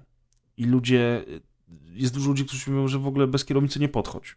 Mhm. Ja w niego grałem trochę na padzie swego czasu i bardzo źle mi się grało. To znaczy, po prostu byłem w to cienki i bardzo duże problemy miałem z tym, żeby jakiekolwiek porządne miejsca w trakcie rajdów y, zajmować. No bo to nie jest jakby kolejny Dirt, tylko taka jego odnoga bardziej realistyczna, nie? Tak, to jest realistyczna odnoga, którą, którą Codemasters zrobiło trochę tak na takiej zasadzie, że oni wypuścili to jako early access, żeby byli w stanie to sfinansować sobie na boku, a jednocześnie mhm. pracować przy kolejnych swoich tam, wiesz, e, Formuła 1 i przy kolejnym taki, dercie. Taki, taki boczny projekt dla, dla hardkorowców. Tak, i oni ten boczny projekt dla hardkorowców w tym early accessie rozwijali sporo, a potem wypuścili pełną wersję, ona też trafiła zresztą na konsolę. I jest to jeden z naj, najciekawszych symulatorów rajdowych, jakie kiedykolwiek powstały. Najbardziej realistycznych to na pewno. Oczywiście ktoś przyjdzie zaraz i powie, nieprawda, bo Richard Bernsley, kiedyś to było, kiedyś to o, było. No tak, no Richard, Richard Bernsley oczywiście jest nadal najlepszym w naszych kurwa, jaki, jaki znaczy, kiedykolwiek, tak. Gdzie jest fanów. ten gdzie jest Dirt 4 tu, a gdzie jest tam, wiesz, tu, a gdzie jest Chad Brensley tu, w serduszku, wiesz. Oczywiście, że tak. Natomiast Dirt Rally to jest mega, mega dobra gra i mega trudna, ale ona dostała moduł e, VR w patchu na Steamie i teraz uważaj, że na, na PlayStation musisz zapłacić 6 dych za ten moduł. Ha, ha. Masz grę, płacisz za nią dwie biedaki. Ha, ha, ha. Dokładnie, dziękuję to za ten wspaniałe na, przemyślenie. Na, na, Dokładnie. Kumasz i oni jeszcze muszą 6 dych, chyba 6 dych czy 5 dych dopłacić za to, żeby w ogóle móc grać w VR-ze. To jest już hamuwa, hmm. bo na PC to wyszło e, Może to jakieś, wiesz, licencje albo coś, bo w końcu Nie, no, płaci za te pacze na konsolach, więc... Dobrze im tak, no ustalmy. No. Da, niech giną. dobrze im tak. W każdym razie, jak zacząłem grać w tego Derta, to w ogóle tak, yy, on nie do końca jest, to nie jest oficjalny ten patch, on jest oficjalny, bo oni go wydali, ale Dirt tak naprawdę nie figuruje na liście Steam. Nikt się do niego nie przyznaje. tak. W każdym razie on działa. Musiałem bardzo mocno pojechać z grafiką, bo, bo, bo, on, bo on się szarpał, więc ustawiłem wszystko na low, co przy tej rozdzielczości, którą wyświetla Oculus i tak nie ma znaczenia. Tak, różnicy nie zrobi, nie? Dokładnie. I wyłączyłem wszystkie rzeczy z interfejsu. Wszystkie. Więc mam tylko kabinę, jestem ja, jest mój pilot, który wygląda jakby był kukłą z drewna, którą opętał duch.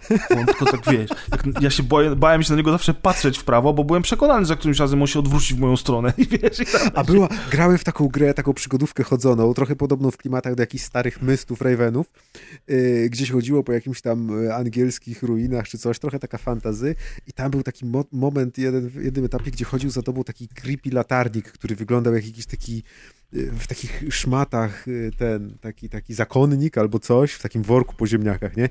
no, no. Bo, bo, ta gra była jakoś tak zrobiona, że ty go poznawałeś i potem jak szedłeś się teleportowałeś, to on jakby zawsze się teleportował z tobą i zawsze był za tobą i to było takie mega creepy, kiedy ty się gdzieś tam teleportowałeś po jakiejś ścieżce, na przykład na cmentarz, jesteś na tym cmentarzu, odwracasz się, on tuż przy tobie stoi, po prostu tak patrzy tak. się na ciebie i to było takie straszne, wiesz, taka kukła, ale wiesz, chodzi za tobą, niby coś zaczyna nagle mówić, ale takie No, to ten pan, on jeszcze śmieszny jest, bo on, jak spojrzysz na niego, to on ma ten notatnik, ten twój pilot ma notatnik, na którym zawsze jest to samo napisane, nie? I się na to nie patrzy I, nawet. I, nie, i zawsze jeden palec mu tak do połowy, wiesz, wtapia się w ten notatnik. To jest. No ale całe szczęście, jak jedziesz w Dirt Rally, to nie musisz patrzeć na swojego pilota. Nie powinieneś przynajmniej wtedy, patrzeć. Wtedy grasz źle. Tak, tak. Jeżeli patrzysz na pilota podczas jazdy, to grasz źle. I powiem ci tak, że nagle zacząłem w ogóle zajmować trzecie, drugie miejsca, drugie, drugie, pierwsze. Okazało wow. się, że na padzie się jedzie wspaniale. Że jak jesteś wewnątrz tego samochodu i, i jesteś... To jest trudne do wyobrażenia, znowu jak my o tym opowiadamy, natomiast to trzeba, trzeba, tego trzeba doświadczyć. Ty zakładasz hełm na głowę i jesteś w samochodzie, który jest w skali 1 do 1. Ty w nim siedzisz, ty widzisz maskę, gdzie się kończy, ty na każdym zakręcie czujesz, jak daleko masz do kamienia, który mijasz, czy no do właśnie, rowu, do którego no. możesz wpaść. To jest, to jest tak wspaniałe, że że naprawdę, jeżeli będę kupował dla siebie yy, Oculusa w przyszłości, to kupię go właśnie tylko i wyłącznie ze względu na te samochodówki. To jest po prostu niesamowicie wciągające, imersyjne, wspaniałe przeżycie. Jak jedziesz na trasie w Grecji bodajże i zjeżdżasz z góry i widzisz tą przepaść, którą masz po lewej, i ten las, który jest na dole, i ten zakręt, który zaraz, zaraz ominiesz. No, przestrzeń, przestrzeń i jeszcze raz przestrzeń. Do tego y, dźwięk, siła pędu, ty nie czujesz tego wiatru, ale jakbyś wystawił głowę przez okno, to byś go troszeczkę poczuł, nie? No. Ściągnij hełm, wystaw głowę. Coś niesamowitego. To jest naprawdę, ale to naprawdę yy, bardzo fajne przeżycie. To jest takie ja trochę się... to jest ta, równie wielkie przejście, co z gier 2D typu Lotus w gry 3D właśnie typu pierwszy Colin i teraz taki Ta. kolejny. To jest taki skok właśnie jak, jak, jak praktycznie nowy rodzaj gry, nie? Tak, absolutnie. I ja się, ja, tak, to jest takie, to, to, jest, to jest jedno w ogóle w moim, y, w moim growym życiu po, wśród wszystkich doświadczeń growych, jakie miałem, czyli, czyli wiesz, te, ta, ta gierka, gdzie się wilkiem jajka łapało, nie? Ta ruska gierka. No. Y, potem Pegasus, y, dyskietki duże i małe, CD-romy, te sztuczne pochwy, które się do USB podpinają. Okej, okej. Hold on. No skręciłem się. Nie, nie. Wśród tych wszystkich rzeczy... To na wiara dopiero te sztuczne pochwy. Tak, tak. Nie no, były kiedyś takie przecież. Były, były. Znaczy nie wiem. Sąsiad miał. No. Słyszałem. W każdym razie, y, w każdym razie y, to jest jedno, z, to jest jeden z największych kamieni milowych w historii y, komputerowej rozrywki, jak dla mnie. Hmm. Jest to niesamowite.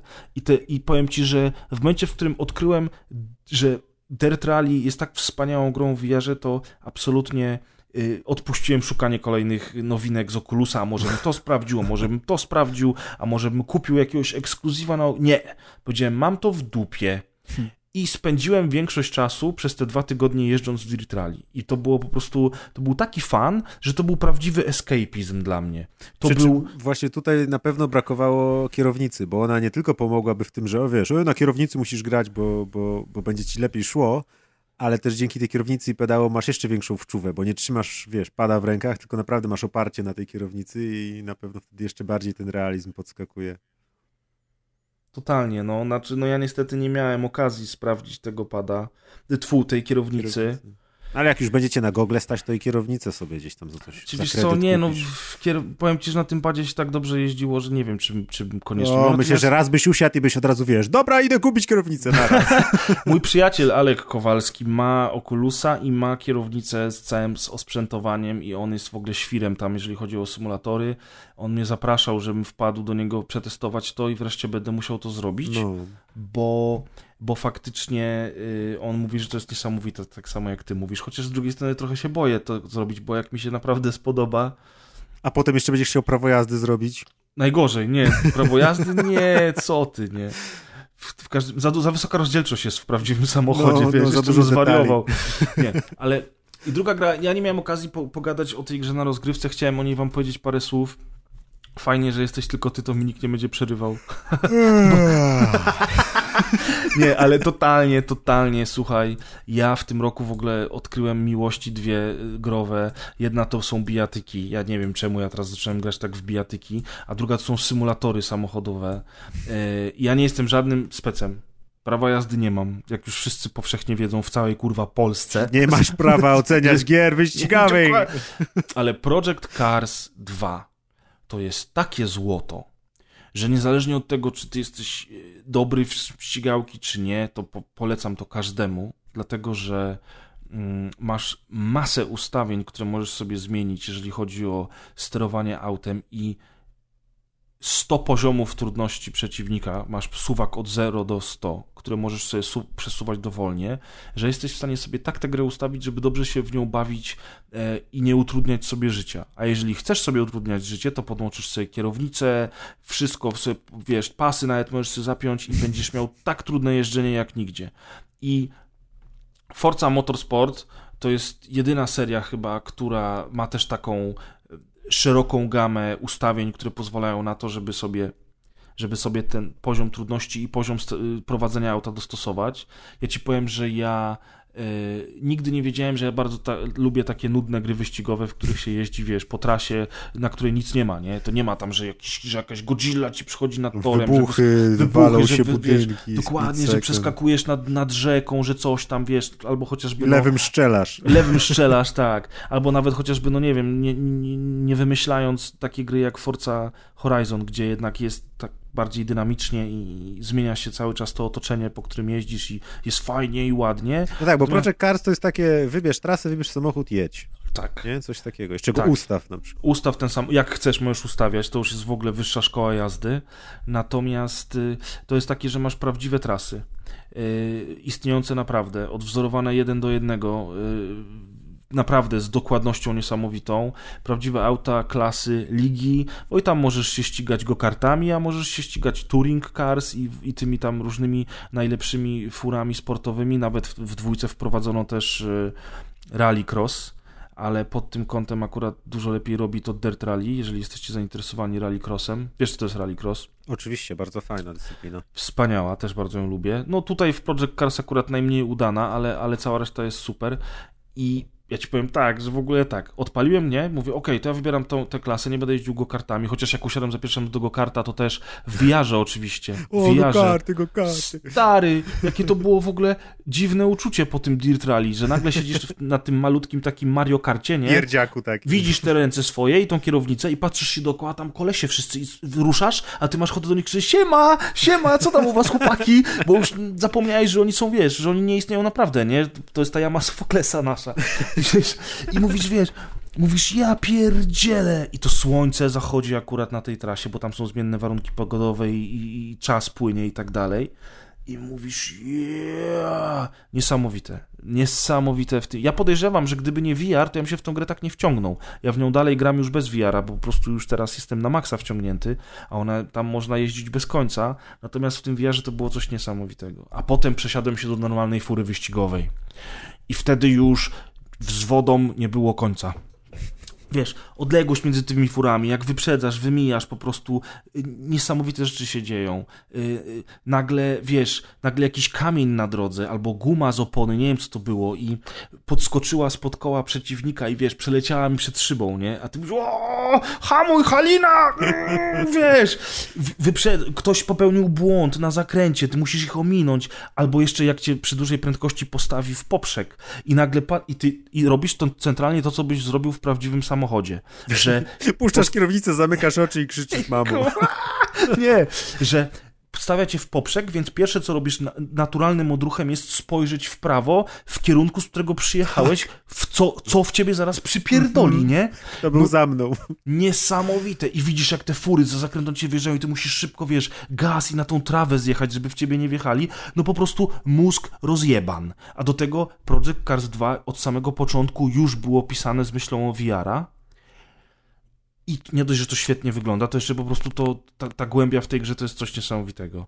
I wiesz, i w ogóle jedziesz w deszczu, zaczyna padać deszcz i sobie myślisz, no fajnie, no mam teraz wycieraczki zachlapane, no ładnie to wygląda, ale, no ale tam podobno miały być jakieś, wiesz, różnice w nawierzchni, jak jedziesz, nie? No jadę to jedno okrążenie, mówię, no jest ten deszcz, nie? Po czym zaczynam jechać drugie okrążenie i nagle się okazuje, że ta woda już teraz tam naprawdę na tej jezdni leży sobie i nagle samochód zaczyna zupełnie inaczej jechać, musisz totalnie zmienić taktykę, wiesz, żeby się nie wypieprzyć zaraz na, na, w tym deszczu i wiesz, i jak to jest zrobione, nie, o spad deszcz, okej, jest ślisko, hu, 10 na 10, nie? Mhm. Tylko wiesz, tylko to w czasie rzeczywistym się zmienia, no coś niesamowitego, stary poziom trudności w ogóle musiałem sobie ustawić 25 na 100. 6 na 10, mega spoko. 25 na 100 musiałem ustawić, żeby w ogóle mieć radość z tej gry, bo mnie tak wyprzedzali wszyscy, a i tak z początku był za trudny. No i w ogóle wiesz, e, paliwo, e, te opony ci się zdzierają, paliwo ci się kończy, jak masz takie długie jazdy, to musisz zjeżdżać do pit stopu, wiesz. Pożyczać kasę na wachę. Kuldan, kto, Kuldan po Need for Speedzie to by zasnął tutaj, wiesz, w kwalifikacji już by zasnął w ogóle, nie? Wjechałby do pit stopu i mam kartę na szybkość i plus dwa do nitro. Przepraszam, przepraszam, a pod którym jest turbo, no? Dokładnie, to jest turbo. Ty, ale ja, jest, ja się śmieję, ja sam Mongo, kurwa, wiesz, wsiadłem, wsiadłem, słuchaj, odpaliłem. A tam sto przycisków, nie? Odpaliłem mistrzostwa, ty, i jadę, nie? I tak się zaczęły te mistrzostwa, że nie stałem na, na starcie, tylko po prostu już byłem w trakcie trakcie jakby na początku trasy. No i wszyscy jadą, no to ja też jadę, nie? Zrobiłem jedno kółko, on mi tam jak, nie, nie liczył mi czasu po pierwszym kółku, bo nie było pełne okrążenie. Przy drugim okrążeniu zaczął liczyć mi czas, przyjechałem to okrążenie, no jakiś tam czas mam, coś tam się pojawia, ale mówię, wszyscy jadą, to się w ogóle nie kończy. No i jadę, nie? I tak jadę, jadę, jadę i myślę sobie, no, jak się skończy czas, to pewnie ten, który miał najlepsze okrążenie, wygra. No i się okazało, że jechałem 30 minut praktyki, żeby poznać trasę, nie? Po czym, po czym mówię, co, co się właśnie wydarzyło? Kolejna faza, którą odpaliłem, kwalifikacje. 15 minut, kto ma najlepszy czas. I dopiero po kwalifikacjach, jak już masz to Potem swoje... wyścig pół okrążenia, półtorej minuty. A, na, a na wyścigu, wiesz, rozbiłem się o ścianę, koniec, bo. Nie, I od nowa jest... wszystko, nie? Poznajemy trasę. Stary, właśnie to, to, co mówisz, poznawanie trasy. Ja po tych 45 minutach jeżdżenia na tej trasie już ją znałem i wiedziałem mniej więcej, wiesz, gdzie, jak mam się zachować, żeby, żeby, żeby odpowiednio wejść w zakręt, gdzie mam zwolnić i tak dalej. Coś pięknego. Oczywiście możesz wyłączyć y, praktykę i kwalifikację, możesz od razu jechać wyścig. Zresztą, no ja w pewnym, po pewnym czasie zacząłem tak robić, bo to wiesz, no nie mam tyle czasu, żeby na jeden wyścig przeznaczyć godzinę, no bo tak mm. de facto na tyle wychodzi, nie? Jak się robi wszystko. Ale jest to piękne, naprawdę i ten, ten motyw że można sobie tak ładnie dostosować poziom trudności nie tylko AI przeciwników, ale też poziom trudności prowadzenia samochodów powoduje, że naprawdę, nawet jeżeli nie jesteś fanem ścigałek, to powinieneś zagrać. Chociaż wiesz, u mnie na Femszerze sobie zainstalować, bo no i to jak to ładnie wygląda i ma jeszcze świetną rzecz. Bo po VR-ze wróciłem do grania już y, jak biedak. Na płasko, no. no. Na biedaka. Na biedaka. I tam jest wiesz, i na biedaka jest tak, że ten twój, ten twój kierowca jest jakby przyklejony do tego fotelu i jego głowa się nie rusza, nie? I ten samochód jest wtedy totalnie, fatalnie mi się jechało, ale okazało się, że jest parę ustawień kamery i jest ustawienie kamery, w której, tak jak kiedyś w Need for Speed Shift, pamiętasz?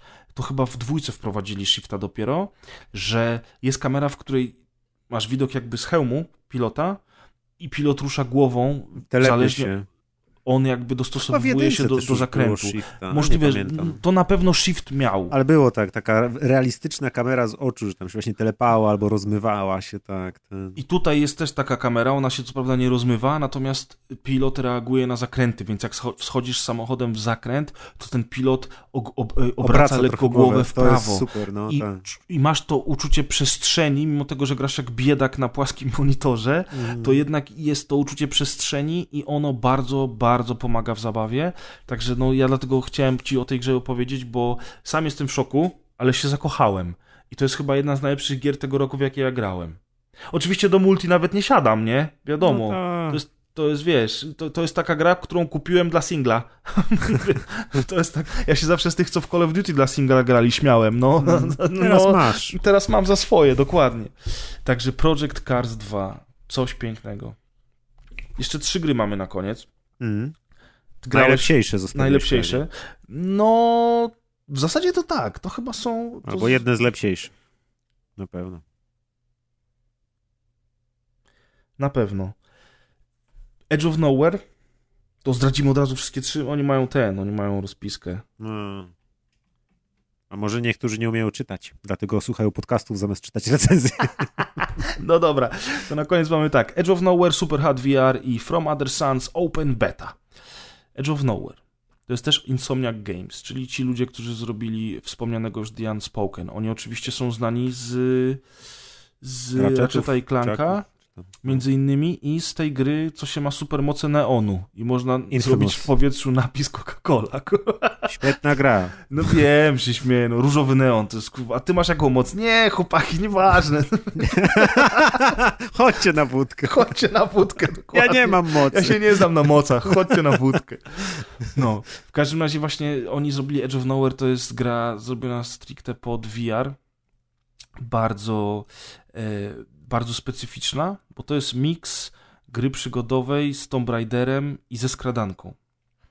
I to jest cholernie udany miks e, e, i bardzo nietypowy też, dlatego że ponieważ y, to jest gra third person perspective, którą, gdzie obserwujemy głównego bohatera za jego pleców i my nim sterujemy. I to jest też trochę ten motyw, tak jak, tak jak rozmawialiśmy o, o tej grze, gdzie się steruje normalnie postacią jak na padzie, y, a nie skokowo. Tutaj też ta, ta postać chodzi normalnie, natomiast nasza głowa jest kamerą przytwierdzoną do pleców bohatera.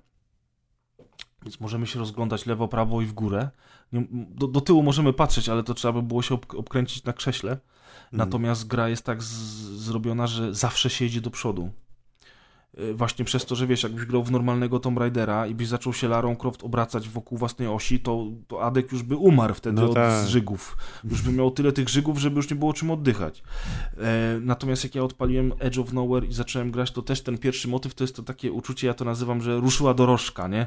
Fuh, Mhm. ruszył wagon, cię tak, a, ciągnie cię, nie? Bo faktycznie, tak jak mówiliśmy, twoja głowa dostaje świra, bo nagle ta postać zaczyna iść, a ty jesteś kamerą za tą postacią. Więc nie dość, że ty masz wrażenie, że się ruszasz, to jeszcze widzisz tą postać się ruszającą i to w ogóle jest, no, ciężko to opisać. Natomiast to jest Trzeba bardzo... się przyzwyczaić po prostu.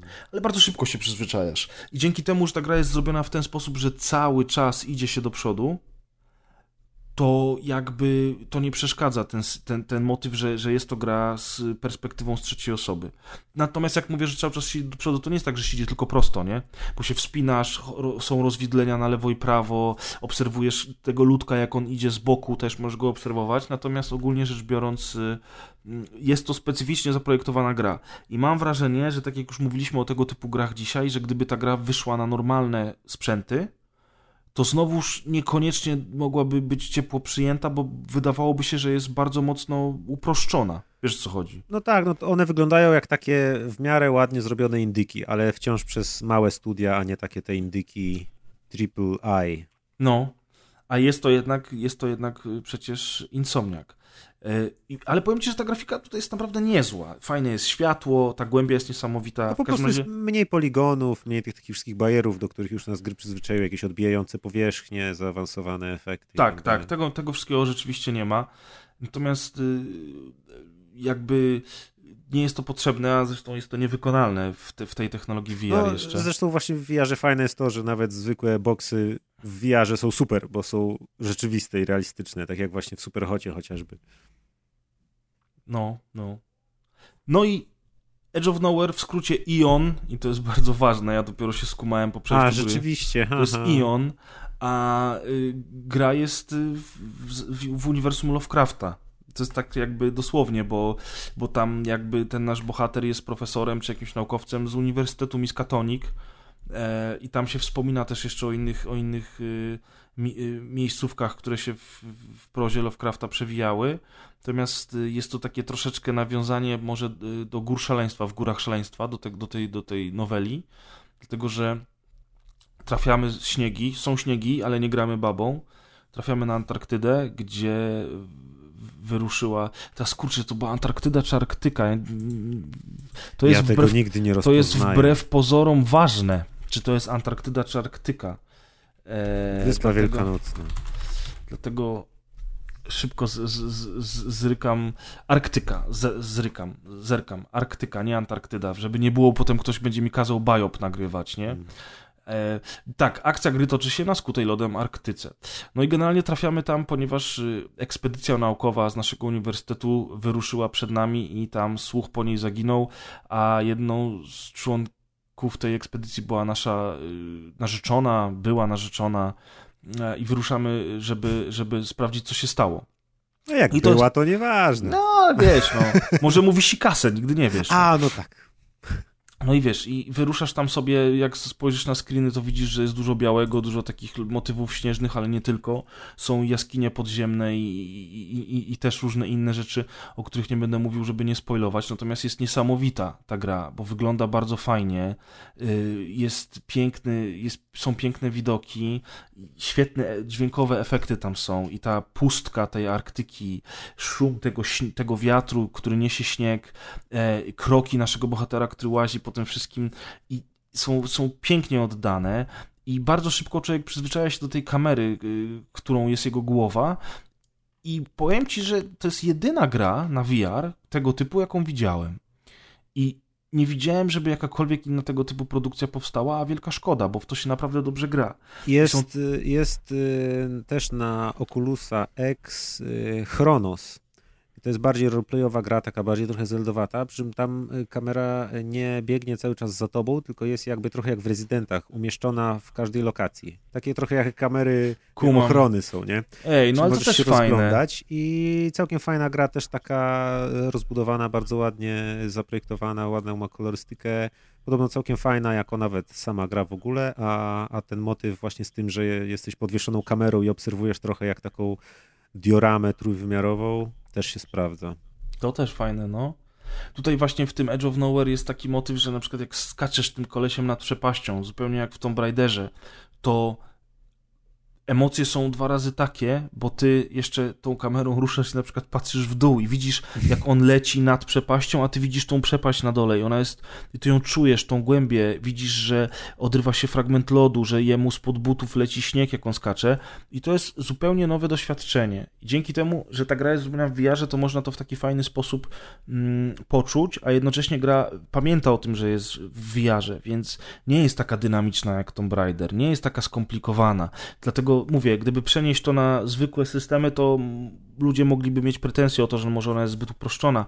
Natomiast w hełmie wirtualnej rzeczywistości y, to jest, ona robi idealną robotę i masz sekwencje skradane, gdzie się przekradasz pomiędzy tam, przed potworami się, się chowasz, możesz je atakować od tyłu, walczysz z nimi, tam masz w ogóle strzelbę, yy, tylko że brakuje amunicji, bo to jest survival horror, nie? Taki przygodowy yy, survival horror, więc masz mało amunicji, jest, wiesz, ciemno, masz mało apteczek, musisz się zakradać, musisz coś tam.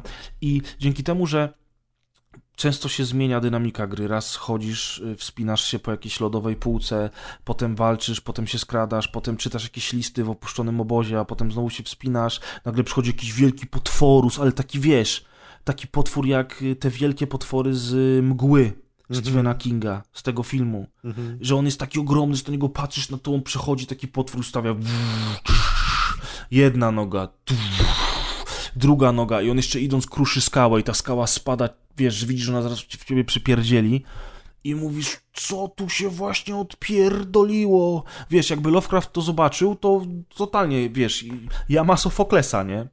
Uwierzyłby w to, że to, o czym on pisał, to była prawda.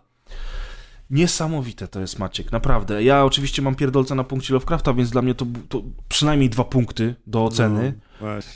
Ale ostatecznie, ostatecznie świetnie się w to bawiłem i łącznie to trwa jakieś 6 godzin, więc nie jest może najdłuższe, natomiast myślę, że jak na, jak na, no jak na VR, VR to, to, to jest niezły wynik, nie? No. Tym bardziej, że wiesz, to jednak trochę męczy. Ja to przeszedłem na, na trzy podejścia. No tak. Były też takie momenty, które, się, które mnie przeraziły. Y, było ich kilka, natomiast one były rzadkie. Bo powiem ci szczerze, że jakby takich akcji w grach horrorowatych było więcej, a wiem, że są takie gry w VR, w których takie rzeczy się dzieją, to już nie, by, to już nie było na moje A nie nerwy. próbowałeś w Residenta 7 grać na VR-ze? Ochujałeś? No właśnie. Życie mi niemiłe? Ja jeszcze nie grałem, ale chciałbym spróbować. Ale ja nawet na płasko bym się bał, więc nie wiem. Ja przeszedłem rezydenta yy, na płasko i były takie momenty, gdzie byłem posritkany w majty, więc powiem ci szczerze, że nie chciałbym w to grać na VR-ze. Natomiast na szczęście jest roczny przynajmniej ekskluzyw na PlayStation, więc póki co nie zagramy w to na, na VR-ze, chyba no że na tak. PlayStation. Tak, bo to jest właśnie to jest właśnie ten najważniejszy, najgłośniejszy produkt PlayStation VR, który jest ekskluzywem na jakiś tam określony czas, nie? No i w końcu to jest pełnoprawna gra, prawdziwa taka, nie? Tak, to jest prawdziwa gra i to jest super. Gdyby nie był to horror, to już w ogóle bym pieśni pochwalne na ten temat y, pisał, dlatego że uważam, że takich gier powinno być więcej. Dlatego Edge of Nowhere jest takie ważne dla mnie w tym dzisiejszym naszym zestawieniu, bo to jest po prostu gra, która jest pełnoprawną grą. Ona może być trochę uproszczona, natomiast ona opowiada ci fabułę, jest podzielona na rozdziały, pokazuje ci fajne rzeczy i możesz naprawdę spędzić z nią świetnie czas. Super Hot VR. Jesteś gotowy? Mhm. To jest chyba najlepsza gra VR, w jaką grałem w życiu, nie? W sensie, jeżeli chodzi o technologię VR. Bo to jest gra, która jest zrobiona y, specjalnie pod VR. To nie jest przeniesienie tej gry, która była na PC i na konsolę, tak. na, na gogle, tylko to jest zupełnie nowa kampania, zupełnie nowe jakby scenariusze te bitewne, y, zrobione tylko i wyłącznie z myślą o rzeczywistości wirtualnej. E, ona jest krótka, krótka jest, ona jest chyba nawet krótsza niż była ta oryginalna wersja, natomiast ona jest tak emocjonująca i tak niesamowicie zrobiona, że każdy, kto będzie testował VR, powinien zagrać właśnie w Super Hard VR, bo to jest po prostu. E, no, znowuż tego się nie da opisać. Wiesz, y, wiesz jak wyglądał Superhot, nie? Mhm. Grałeś w ogóle w niego zwykłego? Tak, tak, Superhota przyszedłem, w VR-a pograłem parę misji. O, bo to nawet grałeś w VR-a, to mhm. tym lepiej. Drodzy słuchacze, w momencie, w którym czas się rusza, tfu, w którym wy się ruszacie, rusza się czas. I tak samo było w podstawowej grze. Natomiast e, w VR-ze wy naprawdę się ruszacie, bo jesteście sobą i stoicie z własnym ciałem. Macie kontrolery ruchu w rękach i hełm na głowie. W związku z czym, jak drgnie wam ręka, ruszycie tą ręką, to czas leci również. Więc to nie jest takie proste jak na klawiaturce, że puszczacie klawiaturę i hu, ja nic nie robię. Mhm. I wy, wybiegają ci przeciwnicy na ciebie, bardzo często nie masz na początku broni żadnej w ręku, więc na przykład musisz chwycić butelkę, yy, która leży gdzieś tam obok, schylić się po nią, rzucić tą butelką w przeciwnika i widzisz w tym spowolnionym czasie, jak te kule lecą, nie? Macie i ta mm. przestrzeń, naprawdę te kule przelatują ci centymetr od ucha i podbiega do ciebie przeciwnik, sprzedajesz mu gonga, pał, on się rozbija tak samo jak w grze i wypada mu z ręki jego shotgun, chwytasz ten shotgun, oddajesz strzał, robisz 90 stopni w lewo, bo tam leci koleś, koleś oddajesz strzał, znowu się uchylasz przed nabojami i o tyle, o ile w Robo Recall te naboje jakby trafiają w ciebie non-stop, ale one ci zabierają jakiś tam element życia, więc ty możesz ich unikać, możesz nawet je łapać w ręce. O tyle tutaj jedna kula natychmiastowo kończy grę i jest game over, ale też tempo rozgrywki jest inne, nie? No bo ten czas mhm. zwalnia i przyspiesza w zależności od tego, jak szybko my się ruszamy. I też ta grafika, tak samo jak było w House of the Dying Sun, nie? Dzięki temu, że ta grafika jest taka prosta, złożona z brył, bez szczegółowych, te... tam w ogóle nie ma tekstur przecież w tej grze, mm -hmm. nie? Tak. Dzięki temu ona też się wydaje ostrzejsza, bardziej wyraźna i po prostu, i po prostu ładniejsza. Mm -hmm. W porównaniu do większości gier VR-owych, więc robi to niesamowite wrażenie i ja się autentycznie grając w tę grę, to się po prostu podzem nie leciał, bo tu trzeba kucnąć, wiesz, odwrócić się, rzucić tą butelką, schować się za na przykład za, za szafką, bo wybiega na ciebie trzech kolesi, którzy walą do ciebie z Uzi i ty się chowasz. Ja już w pewnym momencie, jak już tak na maksa byłem wciągnięty w grę, to wstając za tej szafki z pistoletem, żeby teraz zacząć do nich strzelać, jak kule przeleciały mi nad głową, prawie się oparłem ręką o tą szafkę, nie? A, za którą się chowałem, wiesz. To jest tak. Jakbym się za nią oparł, stały. to bym sobie wybił zęby. Natomiast, bo, bo uwaga, uwaga, ja ma Sofoklesa, tej szafki nie ma. A bardzo szybko się o tym zapomina. I Ewelina na przykład, jak grała w ping-ponga, to parę razy jak chciała sięgnąć po piłkę, to też się chciała o stół oprzeć, którego nie ma i dała nura na środku pokoju w pustkę. Dokładnie, to jest to. To jest niesamowite. Ale też jak mówisz o tym, że, że trzeba się chować ten, to pamiętam, że właśnie y, Superhot był jedną z tych gier, przy których najbardziej widać, bo jak ludzie się wyginają i robią jakieś pozy jak z gry Twister, że wiesz, prawa noga na niebieski, nie? I jakiś tam się wykrzywiasz jak na jakiejś olimpiadzie tak, tak, dokładnie. Plus pamiętam, że jak grałem, to miałem bardzo fajne motywy, zupełnie jak z filmów, że na przykład y, właśnie chowam się za szafką, wiem, że ktoś biegnie, tu lecą kule, więc ja nie mogę wy, wyjrzeć, więc łapię jakąś y, tą butelkę na przykład i rzucam na ślepo za siebie w ogóle. I wiem, że go tam może gdzieś trafię, tu gdzieś wyskakuje. Więc to było super. Plus takie momenty, gdzie właśnie przez to, że ten czas zwalnia, i to jest właśnie ta różnica, jak wspomniałeś, między Robo Recallem albo innymi grami, to tu właśnie też są takie motywy, że na przykład leci kula i tak powoli się, powoli się wykrzywiasz, żeby ona koło ciebie przyleciała i zaraz robisz coraz dziwniejszą pozę, ale robisz to powoli, żeby kontrolować ten czas i tak się wyginasz jak taki dziwny manekin z Silent Hill albo coś. Tak, Więc dokładnie. fajne. I jak ściągasz, ściągasz headset z głowy, to nagle się okazuje, że stoisz w kuchni, nie? Tak, tak, że później, no, no, no. Ale te... Ja obserwowałem jak tutaj znajomi do mnie wpadli, żeby pograć i po prostu każdy jeden, co, wszystko mogło się im pokazać. Każdą grę z tej listy, którą dzisiaj omówiliśmy, natomiast Super Hat robił największe wrażenie na każdym i to, tak jak mówisz, po prostu to, jak oni się wyginali w trakcie grania, to jest po prostu coś pięknego. A ta gra jest też fajnie zbudowana właśnie, bo e, składa się z mnóstwa takich małych aren, na których jest powiedzmy jakaś jedna fala wrogów, czy tam dwie, i generalnie, jeśli ktoś na przykład umie grać i już wie, y, skąd wybiegną i tak dalej, to taki jeden etap się przychodzi w kilka sekund praktycznie, nie? Ale z drugiej tak. strony, jak nie umiesz, to musisz się tego wszystkiego nauczyć. Tak, Więc... bo można na, na, czas, jakby na, na, nie na czas, tylko na pamięć przechodzić te tak. etapy. Już w pewnym momencie pamiętam, że była taka sekwencja w, w zaułku, że ja stałem przy śmietniku i wybiegali na mnie kolesie, jeden z nich podbiegał najbliżej do mnie i dostawał butelką i jemu wypadał ten shotgun i ja ten shotgun, wiesz, to się trochę czujesz jak, nie wiem, jak Keanu Reeves w Matrixie, wiesz. Dokładnie. Albo jakieś się, filmy Johna Woo. I to, to się naprawdę tak... można poczuć właśnie jak w tym slow motion. Niesamowite to jest, naprawdę niesamowite. I tam, tam są też te różnice poziomów, że na przykład jesteś na balkonie, a nad tobą jest helikopter, albo jesteś na jakimś balkonie, a pod tobą są przeciwnicy i ty nagle, wiesz, jeszcze moment temu stałeś na podłodze i walczyłeś z kolesiami, nagle jest wu i stoisz na balkonie i, i wiesz, natychmiastowy zawrót głowy głowy. Właśnie, to jest, tak jakby, to jest tak jakby takie mnóstwo aktów. Każdy etap jest małym aktem i jeden się dzieje w korytarzu, potem drugi się dzieje w pomieszczeniu, potem trzeci się dzieje już za oknem, potem czwarty w alejce, potem piąty w samochodzie i tak dalej, więc masz jakby taka powieść szufladkowa. No, Plus są oczywiście no. te motywy, gdzie nagle się zaczyna etap i widzisz, że jesteś w windzie z czterema kolesiami i wiesz, i nagle o, co się dzieje, nie? I powoli zaczynasz się ruszać, temu zabiorę pistolet, ten już strzela, muszę się schować i wiesz, czujesz tą ciasnotę, oni cię tu atakują. Albo to, że jesteś na balkonie i wiesz, z, z, widzisz, otwierasz oczy, jesteś na balkonie z kolesiem, jest napis, popchnij go, nie? I popychasz go, on gdzieś leci, tu nagle helikopter czy coś, więc bardzo fajnie, że nie przenieśli po prostu gry, tylko wykorzystali mechanikę do zrobienia tak naprawdę nowej gry. To jest taki Superhot gry. 2, mhm. nie? Mhm. Albo, albo Superhot VR właśnie w sensie, że spin-off, który ma te same główne za, zasady, ale jest uszyty bardzo dobrze pod VR-a. To nie jest pójście na łatwiznę. No, ja ci powiem, że ja, ja byłem taki trochę e, sceptyczny w stosunku do Superhot, jak on wyszedł. Jak go przeszedłem, to już troszeczkę zmieniłem zdanie, bo uznałem, że faktycznie miał swoje momenty, natomiast ogólnie jako gra dalej troszeczkę mi nie pasował, bo uważałem, że to było takie trochę pójście na łatwiznę.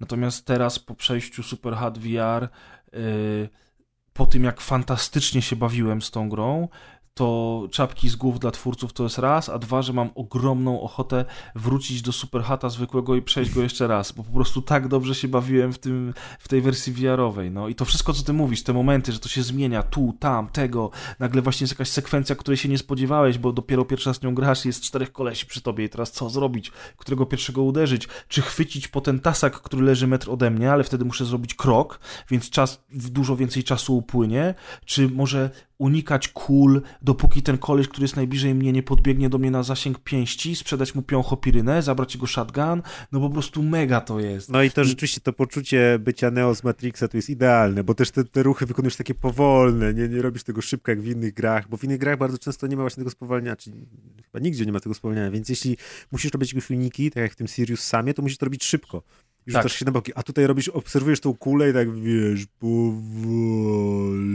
Tak jest, no. Tylko jeszcze nie, nie, nie, baw się w to, że będziesz się rozglądał za tą kulą, jak ona leci koło twojego nosa, bo w tym czasie druga kula cię w tyłek uderzy, nie? Tam trzeba mieć naprawdę cały czas oczy wokół głowy, znaczy, a jednocześnie... Też te etapy są zrobione tak jak zagadki logiczne, że jakby jest y, konkretny sposób. Pamiętam, że był taki etap, gdzie były dwa uziki przede mną i, i kilku przeciwników biegło na dole. I kilka razy go powtarzałem, bo jakby była jakaś jedna konkretna sekwencja, którą musiałem rozgryźć, żeby sobie poradzić, bo tak to zawsze mnie ktoś tam zabijał albo coś i, i, parę razy testowałem, ale to też na szczęście tak się szybko ładowały te etapy, że ginąłem, od razu zaczynałem i, i aż byłem ciekawy, co, jak tu to zrobić, żeby mnie ten nie zabił, albo coś tam. Ten. No, nie, no jest, jest, jest to super. I też w ogóle nie wiem, czy to jest kwestia tej kolorystyki, że wszystko jest w bieli i tylko, tylko przedmioty są na czarno, a przeciwnicy są na czerwono, że jakby e, nie, ma, nie ma jakiejś palety barw, która atakuje cię z każdej strony, że jakby najmniej wzrok się męczył przy tej grze nie trzeba było się koncentrować, że tam gdzieś w oddali coś jest rozmazane, no, że, że, trzeba przycelować. Ja miałem takie wrażenie przynajmniej, że, że, że jakby to było... to było... czytelne, nie musiałeś się skupiać na tym. Rzeczywiście, może tak. No, że, że coś tam było. Także no, ja osobiście bardzo polecam Super Hard VR. Uważam, że to jest kawał fantastycznej roboty. Oni, oni wyprzedzili swoje czasy. Oni zrobili grę VR-ową, kiedy jeszcze nie było VR-ów i jak gry VR-owe weszły, to oni wiesz, no dobra, no to w końcu wydajemy VR. Tak, to w końcu to robimy, tak jest. Na koniec w ogóle na deser mam dla ciebie Maciek i dla, dla słuchaczy jeszcze jedną grę, która mnie sama wzięła z zaskoczenia, bo akurat wtedy jak miałem Oculusa to była otwarta beta tej gry. Gra nazywa się From Other Suns um, i jest przeniesieniem Faster Than Light w VR, ale w połączeniu z multiplayerem.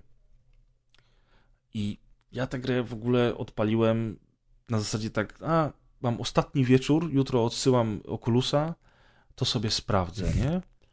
I zainstalowałem, przyszedłem taki krótki tutorial i w ogóle pierwsza rzecz, która, która mi się strasznie spodobała, to jest to, o czym mówiliśmy wcześniej, czyli brak y, skokowego systemu poruszania się, tylko dwa kontrolery ruchu, w lewym poruszam postacią, w prawym obracam ją na boki lewo-prawo, natomiast głowa porusza się sama, samoistnie, plus oczywiście, ponieważ kontrolery są tylko w dłoniach, to ja ruszając rękoma jeszcze ruszam rękoma postaci w grze. Czyli to jest już, to trzeba trochę, tutaj trochę, trochę trzeba przestawić myślenie, nie? Bo jednak to nie jest takie zwykłe granie na padzie. Mhm. Wiesz o co mi chodzi? No tak. Że ty poruszając rękoma na zasadzie patrzę w górę, celuję tam, celuję tam, jednocześnie muszę pamiętać o tym, że mój kciuk jest odpowiedzialny za moje poruszanie się że ja nie będę stał w miejscu, -hmm. że ja mhm. cały czas się poruszam. Ale to jest też kwestia, to tak jak pierwszy raz dopada się, człowiek musiał przyzwyczaić, tutaj tak samo też. To jest no kwestia, oczywiście. To oczywiście, jest bardzo wygodne tak. tak. naprawdę sterowanie. O ile ktoś nie ma choroby morskiej, to, to generalnie taki typ sterowania się jak sprawdza już wiemy, i już może być przez lata. Jak już wiemy, Adek nie zagra, jemu pozostają tylko sztuczne waginy podłączane przez USB, natomiast, natomiast granie jest straszna, więc może zagra cooldown. Y, no i pierwszy szok, przeszedłem ten tutorial i pan mi wytłumaczył, że mam statek, że na tym statku lecę z misji na misję, e, że e, tam mogę walczyć z innymi statkami i wtedy muszę wysłać rakietkę albo i wybrać miejsce, w które chcę uderzyć. Centralnie FTL, tylko zamiast jakby obserwując kamerę, jakby wiesz, widok z góry, nie, tak jak było Faster Than Light, to jesteś na pokładzie tego statku. I sobie mm. myślę, fajny pomysł. I mówi pan, a jak będzie abordaż przeciwników, to będziesz się z nimi strzelał laserkami w korytarzach twojego statku. Ja mówię, kurde, jeszcze fajniejsze. I w tym momencie zaczęła się gra właściwa e, i przy wyborze New Game zapytał się mnie komputer, czy ja chcę grać single, czy chcę multi. Online, przepraszam. Ja sobie myślę, nie, no, no dobra, online. W ogóle nie wiem o co im chodzi, ale okej, okay, online. I chwała niech będzie, kurczę, Nintendo i Kojimie za to, że ja wcisnąłem online, a nie stwierdziłem, nie, tam zagram z singla, nie? Chwała Nintendo i Kojimie. Tak jest, no bo przecież oni są zawsze dzięki nim wszystko dobre. No to i, wyobraź sobie, wyobraź sobie, że zacząłem grę i stoję na tym, wiesz, na tym mostku takim, no taka bieda mostek, no wiadomo, ta grafika jest jaka jest, natomiast jest wystarczająco dobra do, do, do tego typu gry. Patrzę w ten kosmos i słyszę głos męski, który mówi do mnie hello. No ja się odwracam, a za mną stoi babka. Tam w stroju oficera, blond włosy tego i on, no ja sobie myślę, kurwa, ty, no ja wiem, że to jest beta, ale ten, ten bot mówi do mnie męskim głosem, nie? Ja mówię do niego hello, a on mówi, are you new here? Do you need me to show you something? Ja mówię, kurde ty, ale fajnie mówi ten... Dobre jaj, nie? To, dobry tutorial, nie? Ale kurczę, te głosy pomylili. I, i za chwilę wchodzi trzeci koleś na, na, na mostek i mówi, hey guys, so what are we doing? A ja mówię, e, okej. Okay. I człowieku po prostu mówię, ja pierdolę, co się właśnie wydarzyło, to są ludzie. Ja mówię, co się dzieje, ty? Ja mówię do nich, ej, chłopaki, y, mówię, to jest multi, tak? On mówi, tak, tu robimy misję, tu chodź, ja ci pokażę po statku i typ mnie oprowadza po tym statku. Ty. Siema, masz tu czapkę? Tak, on pokazuje, tu, tu są teleporty, nie, tutaj tego, tu jest broń, tu pamiętaj... Tu jest nasz statek, podoba ci się, nie? Mówi, pamiętaj, żeby odłożyć broń na ścianie, bo pomiędzy misjami bro... bateria broni musisz załadować. Ale się nie przejmuj, bo jakbyśmy zaatakowali jakiś statek piratów, to tam jest mnóstwo broni, które możemy podnieść, a ja po prostu, wiesz, ja nie wiem, co się dzieje, nie? Nie dość, że, nie dość, że dopiero co poznaję wirtualną rzeczywistość po raz pierwszy w życiu i to jest taki skok dla mnie, jak mówiłem wcześniej o nim, to jeszcze nagle gram w grę multiplayer z ludźmi, którzy są ludźmi i oni wszyscy ze mną gadają, wiesz, rozmawiają, tłumaczą mi. Imersja milion. I ta postać y, odwzorowuje te wszystkie ruchy, które oni robią głową i tak. kontrolerami, nie? Więc tak. Jak się coś podchodzi... pokazuje palcem albo macha, to, to wszystko widać. On mówi, oczywiście wiesz, te twarze, to wszystko to nie jest jakiś nie wiadomo co, ale ta odwzorowanie ruchów jest. I na przykład wróciliśmy na mostek i on do mnie mówi, to polecimy tu i tu i on podchodzi do konsolety i ja widzę, jak on palcem wciska ten guzik, co trzeba, nie? Mm. I ty mówisz, ja pierdolę, jaskinia Sofoklesa, jama. Mówisz, co, co, co się dzieje w ogóle? What the fuck? Ja byłem, ja byłem posikany ze szczęścia. Ja się tak chyba nie bawiłem dobrze od lat. Chociaż całe te dwa tygodnie to było jedna super uber zabawa, nie? No bo i te, i te Battlefronty w kosmosie, i Dirt Rally, i Project Cars, plus ten Lovecraft. Ja już myślałem, że już lepiej być nie może, nie? A oni mi na ostatni wieczór taki numer od, odjebali, nie? Ja mówię, co stary, co się dzieje? Ty, i, przy, i dobra, to lecimy, poleciliśmy. O nie, statek wroga, to ja tu wciskam lasery. On mówi, a ty idź do tego, do sali z teleportem, żeby nam się piraci nie teleportowali na statek, nie zrobili nam, na, nam abordażu. I ty normalnie lecisz przez te korytarze, bierzesz broń, idziesz do, do, do sali z teleportem i wiesz, i stoisz z tym pistoletem. Wejdą czy nie wejdą, nie? I on mówi, dobra, słuchajcie, sytuacja jest opanowana, rozwaliłem statek, yy, odzyskaliśmy kapsułę i nagle wracam na ten mostek i laska komunikat się odzywa, że dziękuję, żeście mnie uratowali, bo to był statek, kurczę, łowców niewolników i oni mają taką i taką bazę tu i tu i byłabym wam wdzięczna, żebyście tam pojechali i zemścili się w moim imieniu, nie? No i mówimy, no kurwa, no jacha, nie? Piu, kuziczki, tu wiesz, tego lecimy i wiesz, przygotowujemy się, podchodzisz, zbierasz broń, Y, teleportujemy się do nich do bazy i tam już jest normalne, wiesz, piu-piu, takie, że w kooperacji multiplayer z innymi graczami, z którymi masz komunikację głosową, robisz misję, tylko że robisz to wszystko w wirtualnej rzeczywistości. Ja nawet nakręciłem z tego krótki filmik, on się niestety nagrał źle z dźwiękiem, bo ja totalnie nie wiedziałem jak, jak ustawić wszystko, żeby zgrywać, wiesz, obraz z VR-u razem mm -hmm. z mhm. dźwiękiem. Taki taki wiesz, na żywo, w, no tak na szybko wcisnąłem. No niestety dźwięku tam nie ma, tam tylko mój głos słuchać na tym filmiku. On jest gdzieś tam na kanale naszym y, YouTube'owym, natomiast po prostu to, to uczucie tego przemierzania tych, tej bazy kosmicznej, walka z tymi kolesiami, tam strzelasz do nich, wiesz, kończy się amunicja, podnosisz inny karabin. Ja po prostu zwariowałem, nie? Ja mówię, jutro idę i kupuję sobie VR-a. I powiem ci szczerze, że ta gra chyba jeszcze nie wyszła, ja o niej nie słyszałem, natomiast jeżeli w tym kierunku idzie y, technologia VR, to prędzej czy później na bank y, będziemy w to grali razem, nie? Mm, znaczy, prostu... właśnie dzięki temu, że w tej wirtualnej rzeczywistości czujesz tą obecność tych wszystkich brył, to też właśnie granie z innymi ludźmi jest czymś kompletnie innym niż granie multi na płaskim ekranie. Dokładnie, no. Jest Po prostu... Czujesz, czujesz obecność, że ten manekin, który koło ciebie stoi jest trochę manekinowaty, ale on mówi ludzkim głosem, ma inteligencję, coś ci pokazuje rękami, plus czujesz jego fizyczną obecność. On jest obok ciebie, on jest. Tak, tak. I ty go słyszysz tak, jakby on był koło ciebie, bo to też jest tak jest zrobione, że ten dźwięk się odpowiednio roz, ro, tak, wiesz, jak jest tak. dalej, to jest dalej. Jak nie? jest za tobą, to go słyszysz za sobą, nie? Dokładnie. I to, jest, I to jest po prostu coś pięknego. To jest taki już rodzaj imersji, którego ja w życiu nie doświadczyłem wcześniej. To jest trochę I... taki holodek już właśnie. No, no. Na a szczęście właśnie, a ludzie, a ludzie tak się śmiali, jak zapowiedzieli tą grę Star Trek, y, tam Bridge, Captain Bridge, tam coś. Bridge Commander chyba, no. Coś takiego. I niby śmichy chichy, a teraz możesz wyobrazić, jaka, jaka ta gra może być fajna, jeśli rzeczywiście taka będzie. No, znaczy ten Star Trek już jest dostępny, ja niestety w niego nie grałem. Tam w ogóle wyszło teraz pod koniec roku kilka dużych produkcji na Oculusa, które są już takie, wiesz, AAA. Mhm. Jest nawet taka produkcja coś w stylu Detached i Adrift, o którym dzisiaj rozmawialiśmy, ale taki już na maksa fabularny, gdzie jesteś robotem, który pomaga jakiejś pani, która oczywiście też jest, wiesz, stranded y, on a spaceship, czy tam space station i ona jest jakimś inżynierem i ona ci mówi, co ty masz robić i ty tam z nią naprawiasz ten statek. Coś takiego jest, pamiętam, że gdzieś widziałem jakoś taki filmik z technologii, pokazywali, gdzie y, ręce niesamowicie były ten, w interakcję wchodziły z otoczeniem, że na przykład jak kładłeś gdzieś rękę na jakiejś powierzchni, to ona się tak dokładnie do niej wiesz, układała na tej, tej jakieś tam takie technologie opracowywali, żeby jak najfajniej i najbardziej realnie odtworzyć właśnie ruchy rąk w wirtualnej rzeczywistości. No i tam ja, ja, ja w to nie grałem, natomiast słyszałem o tej grze same superlatywy, że to jest właśnie, że to jest właśnie jakiś y, niesamowity. O, Lone Echo się Lone nazywa. Echo, tak, też to właśnie sobie przypomniałem. No. Że to jest niesamowity y, produkt, już taki full profit, tak jakbyś grał w zwykłą grę, tylko na tym. No bo to, to też już taka trochę jakby druga fala tych gier jest, nie? Tak. Ta druga fala to jest y, to, jest to co powinno ludzi przekonać, wiesz, do E, do tego VR-a. Ja widzę, że From, bo wszedłem teraz właśnie na stronę Oculusa, widzę, że From Other Suns też już chyba wyszło.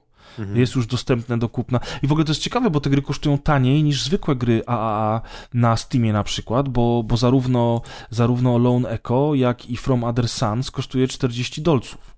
No to Więc... też dobrze, bo to jakoś pewnie trochę mniejsze są te gry. To, to było absurd, jak właśnie te mm, krótkie, tanie gry kosztowały właśnie po 60 dolarów czy coś. No ten, pamiętam, że ten Batman VR to był jakaś, no ogóle, wiesz, jakaś cena, cena z kosmosu. W ogóle widzę, że teraz wyszło dużo nowych rzeczy, bo, bo, bo wyszedł y, ten Blade Runner, o którym ty mi pisałeś swego czasu. Już dwie części tego Blade Runnera wyszły i to jest bezpłatne, A. bo to jest pokazówka znowu. Tak, tylko że to też jest na Oculusa Exclusive. To akurat nie udało mi się odpalić na Rifcie moim niestety. Nie udało się, no to widzisz, to szkoda. A czy chyba to działa, tylko znowu na, mo na moim komputerze to nie działa. To jest jakieś takie niepewne jest jakiś w ogóle za 10, za 10 dolarów jest jakiś e, Justice League VR The Complete Experience i w ramach misji możesz ścigać wrogów jako Batman, walczyć z parademonami jako Wonder Woman i tak dalej. No, jestem ciekaw. Także tak, wychodzi tych rzeczy trochę, a i, i, i, oczywiście większość tego to są gówna, ale wiesz, z drugiej strony jakbyśmy porównali na przykład y, skalę ze Steamem, to wiesz, to w, na Steamie w ciągu miesiąca wychodzi tysiąc gier, które jest gównem, nie? Mm. więc wiesz, więc y, na pewno trzeba zwracać uwagę na to, co się bierze, natomiast takie gry jak właśnie Super Hard VR, czy to From Other Suns, to są takie smaczki, że, że, że ja czekam, ja czekam, aż ta technologia stanieje i zrobi się jednak nieco lepsza. Mam nadzieję, że nie skończy się na tym, że wszyscy będą czekać i rynek VR upadnie, bo nikt tego nie będzie kupował. Mam nadzieję, że jednak są tacy zajawkowicze, którzy którzy szybciej to łykną. No ty kupiłeś, prawda? Zresztą nie ty jeden. Na grupie u nas rozgrywkowej w swego czasu, jak padł temat VR-u, to się okazało, że sporo y, naszych grupowiczów posiada y, system VR. No, tu akurat minusem jest to, że do PC-owego jeszcze trzeba mieć PC-ta mocnego, więc to też ogranicza rynek trochę. No tak, to jest prawda. No.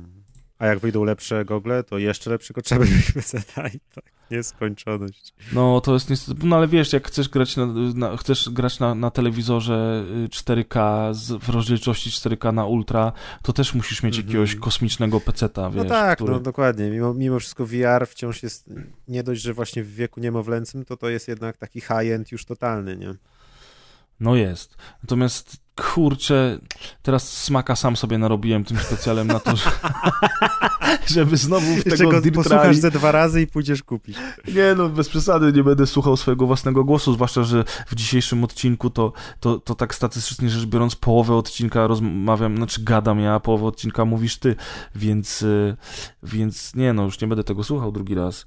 Poza tym jakbym to przesłuchał, to bym na pewno kupił. Ale powiedz mi jedną rzecz, tak na sam koniec, y, bo już będziemy zawijać, y, ale bo ja właśnie, ja y, zobaczyłem system i mówię, o ja, kupuję to, nie, muszę to mieć koniecznie w ogóle, chcę natychmiast. Y, po czym trochę mi przeszło, bo trochę mnie to zmęczyło, właśnie ten Adrift y, trochę mnie zmęczył, zrobiłem sobie dzień przerwy i usiadłem do Dirta.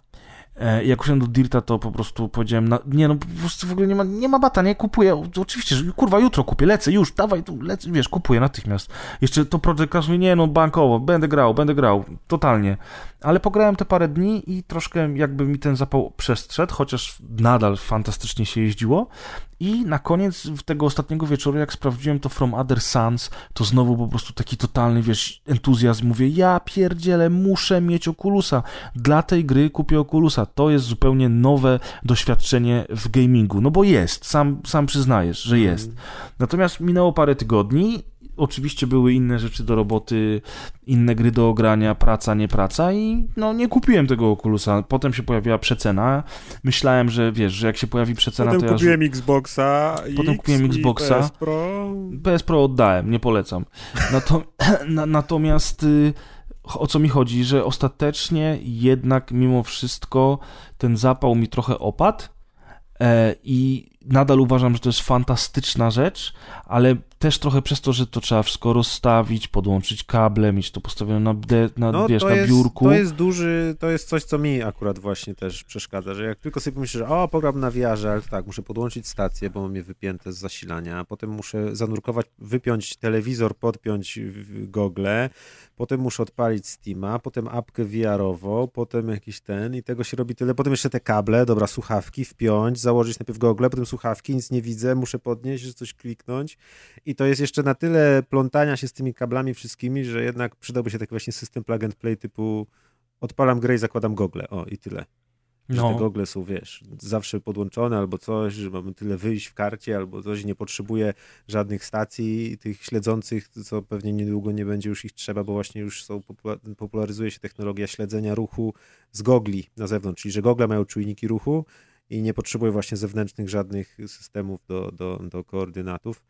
Y, I bezprzewodowe też już się tam pojawiają rzeczy, nawet do Vive'a można kupić chyba już zestaw bezprzewodowy, dzięki czemu można tam grać na baterii niedługo, ale, ale można bez kabla, więc to też jest na pewno w siedzących grach mniej, ale wchodzonych zdecydowanie kabel przeszkadza.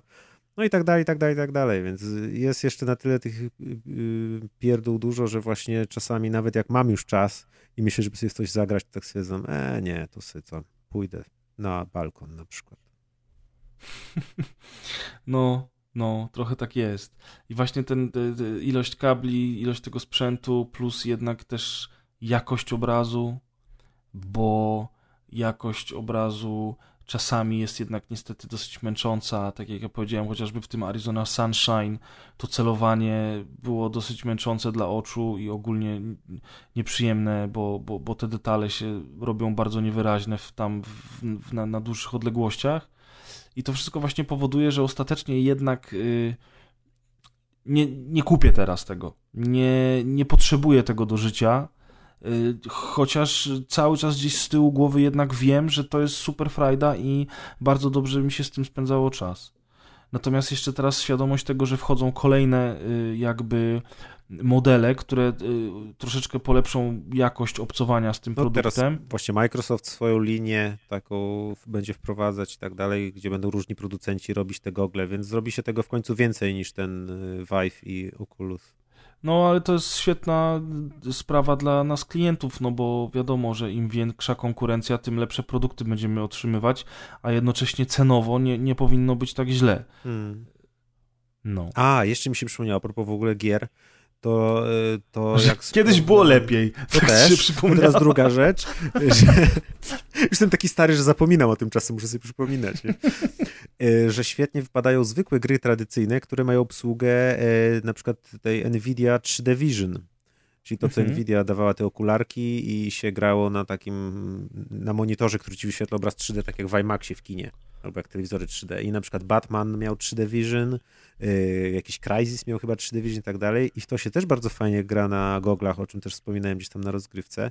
yy, Bo ma się, jeśli się ustawi taki wielki ekran, to ma się wrażenie, że nawet te gry takie, które właśnie nie mają 360 stopni, tylko niby grasz na takim wielkim IMAXowym ekranie, ale jeśli zrobisz sobie go odpowiednio duży, to nawet możesz trochę głową kręcić na boki i masz wrażenie, że te gry są rzeczywiście robione pod, pod 3D, zyskują głębie. Pamiętam jak y, odpaliłem, bo na, na PC Master Race oczywiście są różne haki i sposoby na y, uzyskanie takiego trójwymiarowego stereoskopowego obrazu.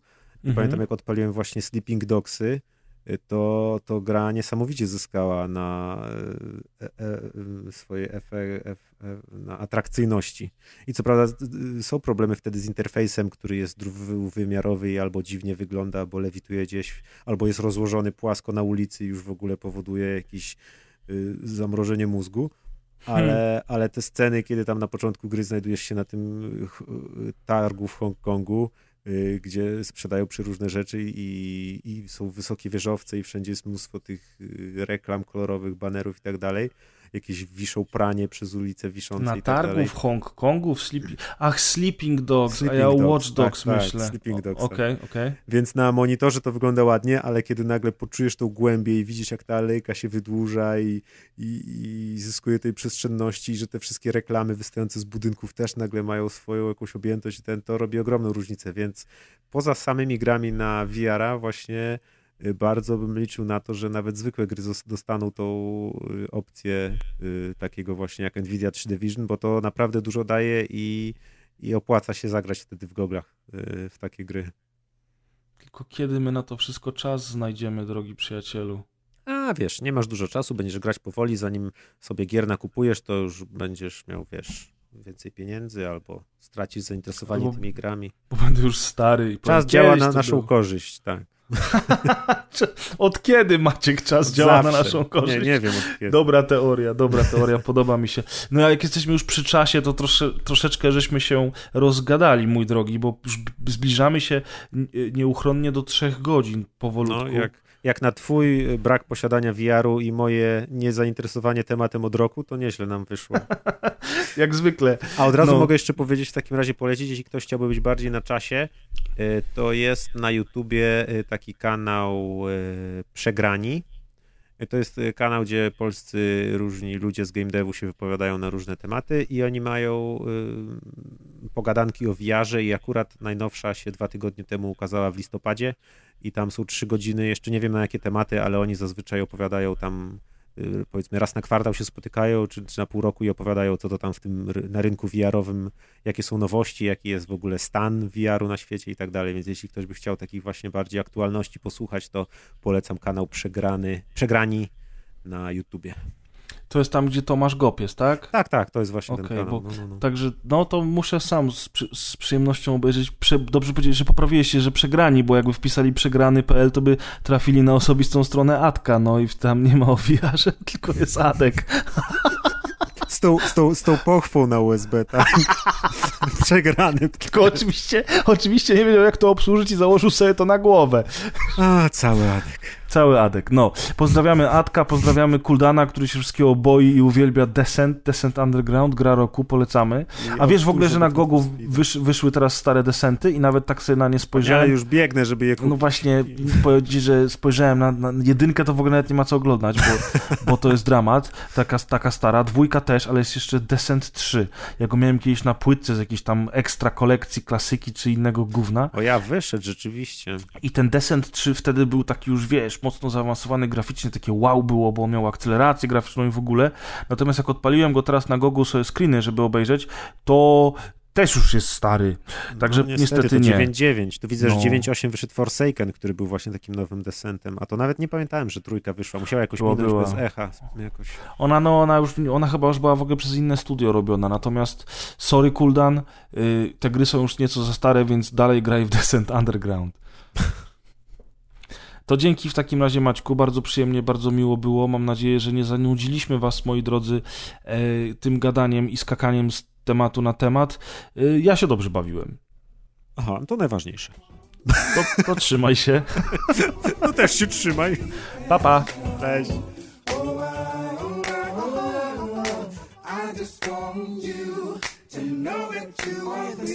You special.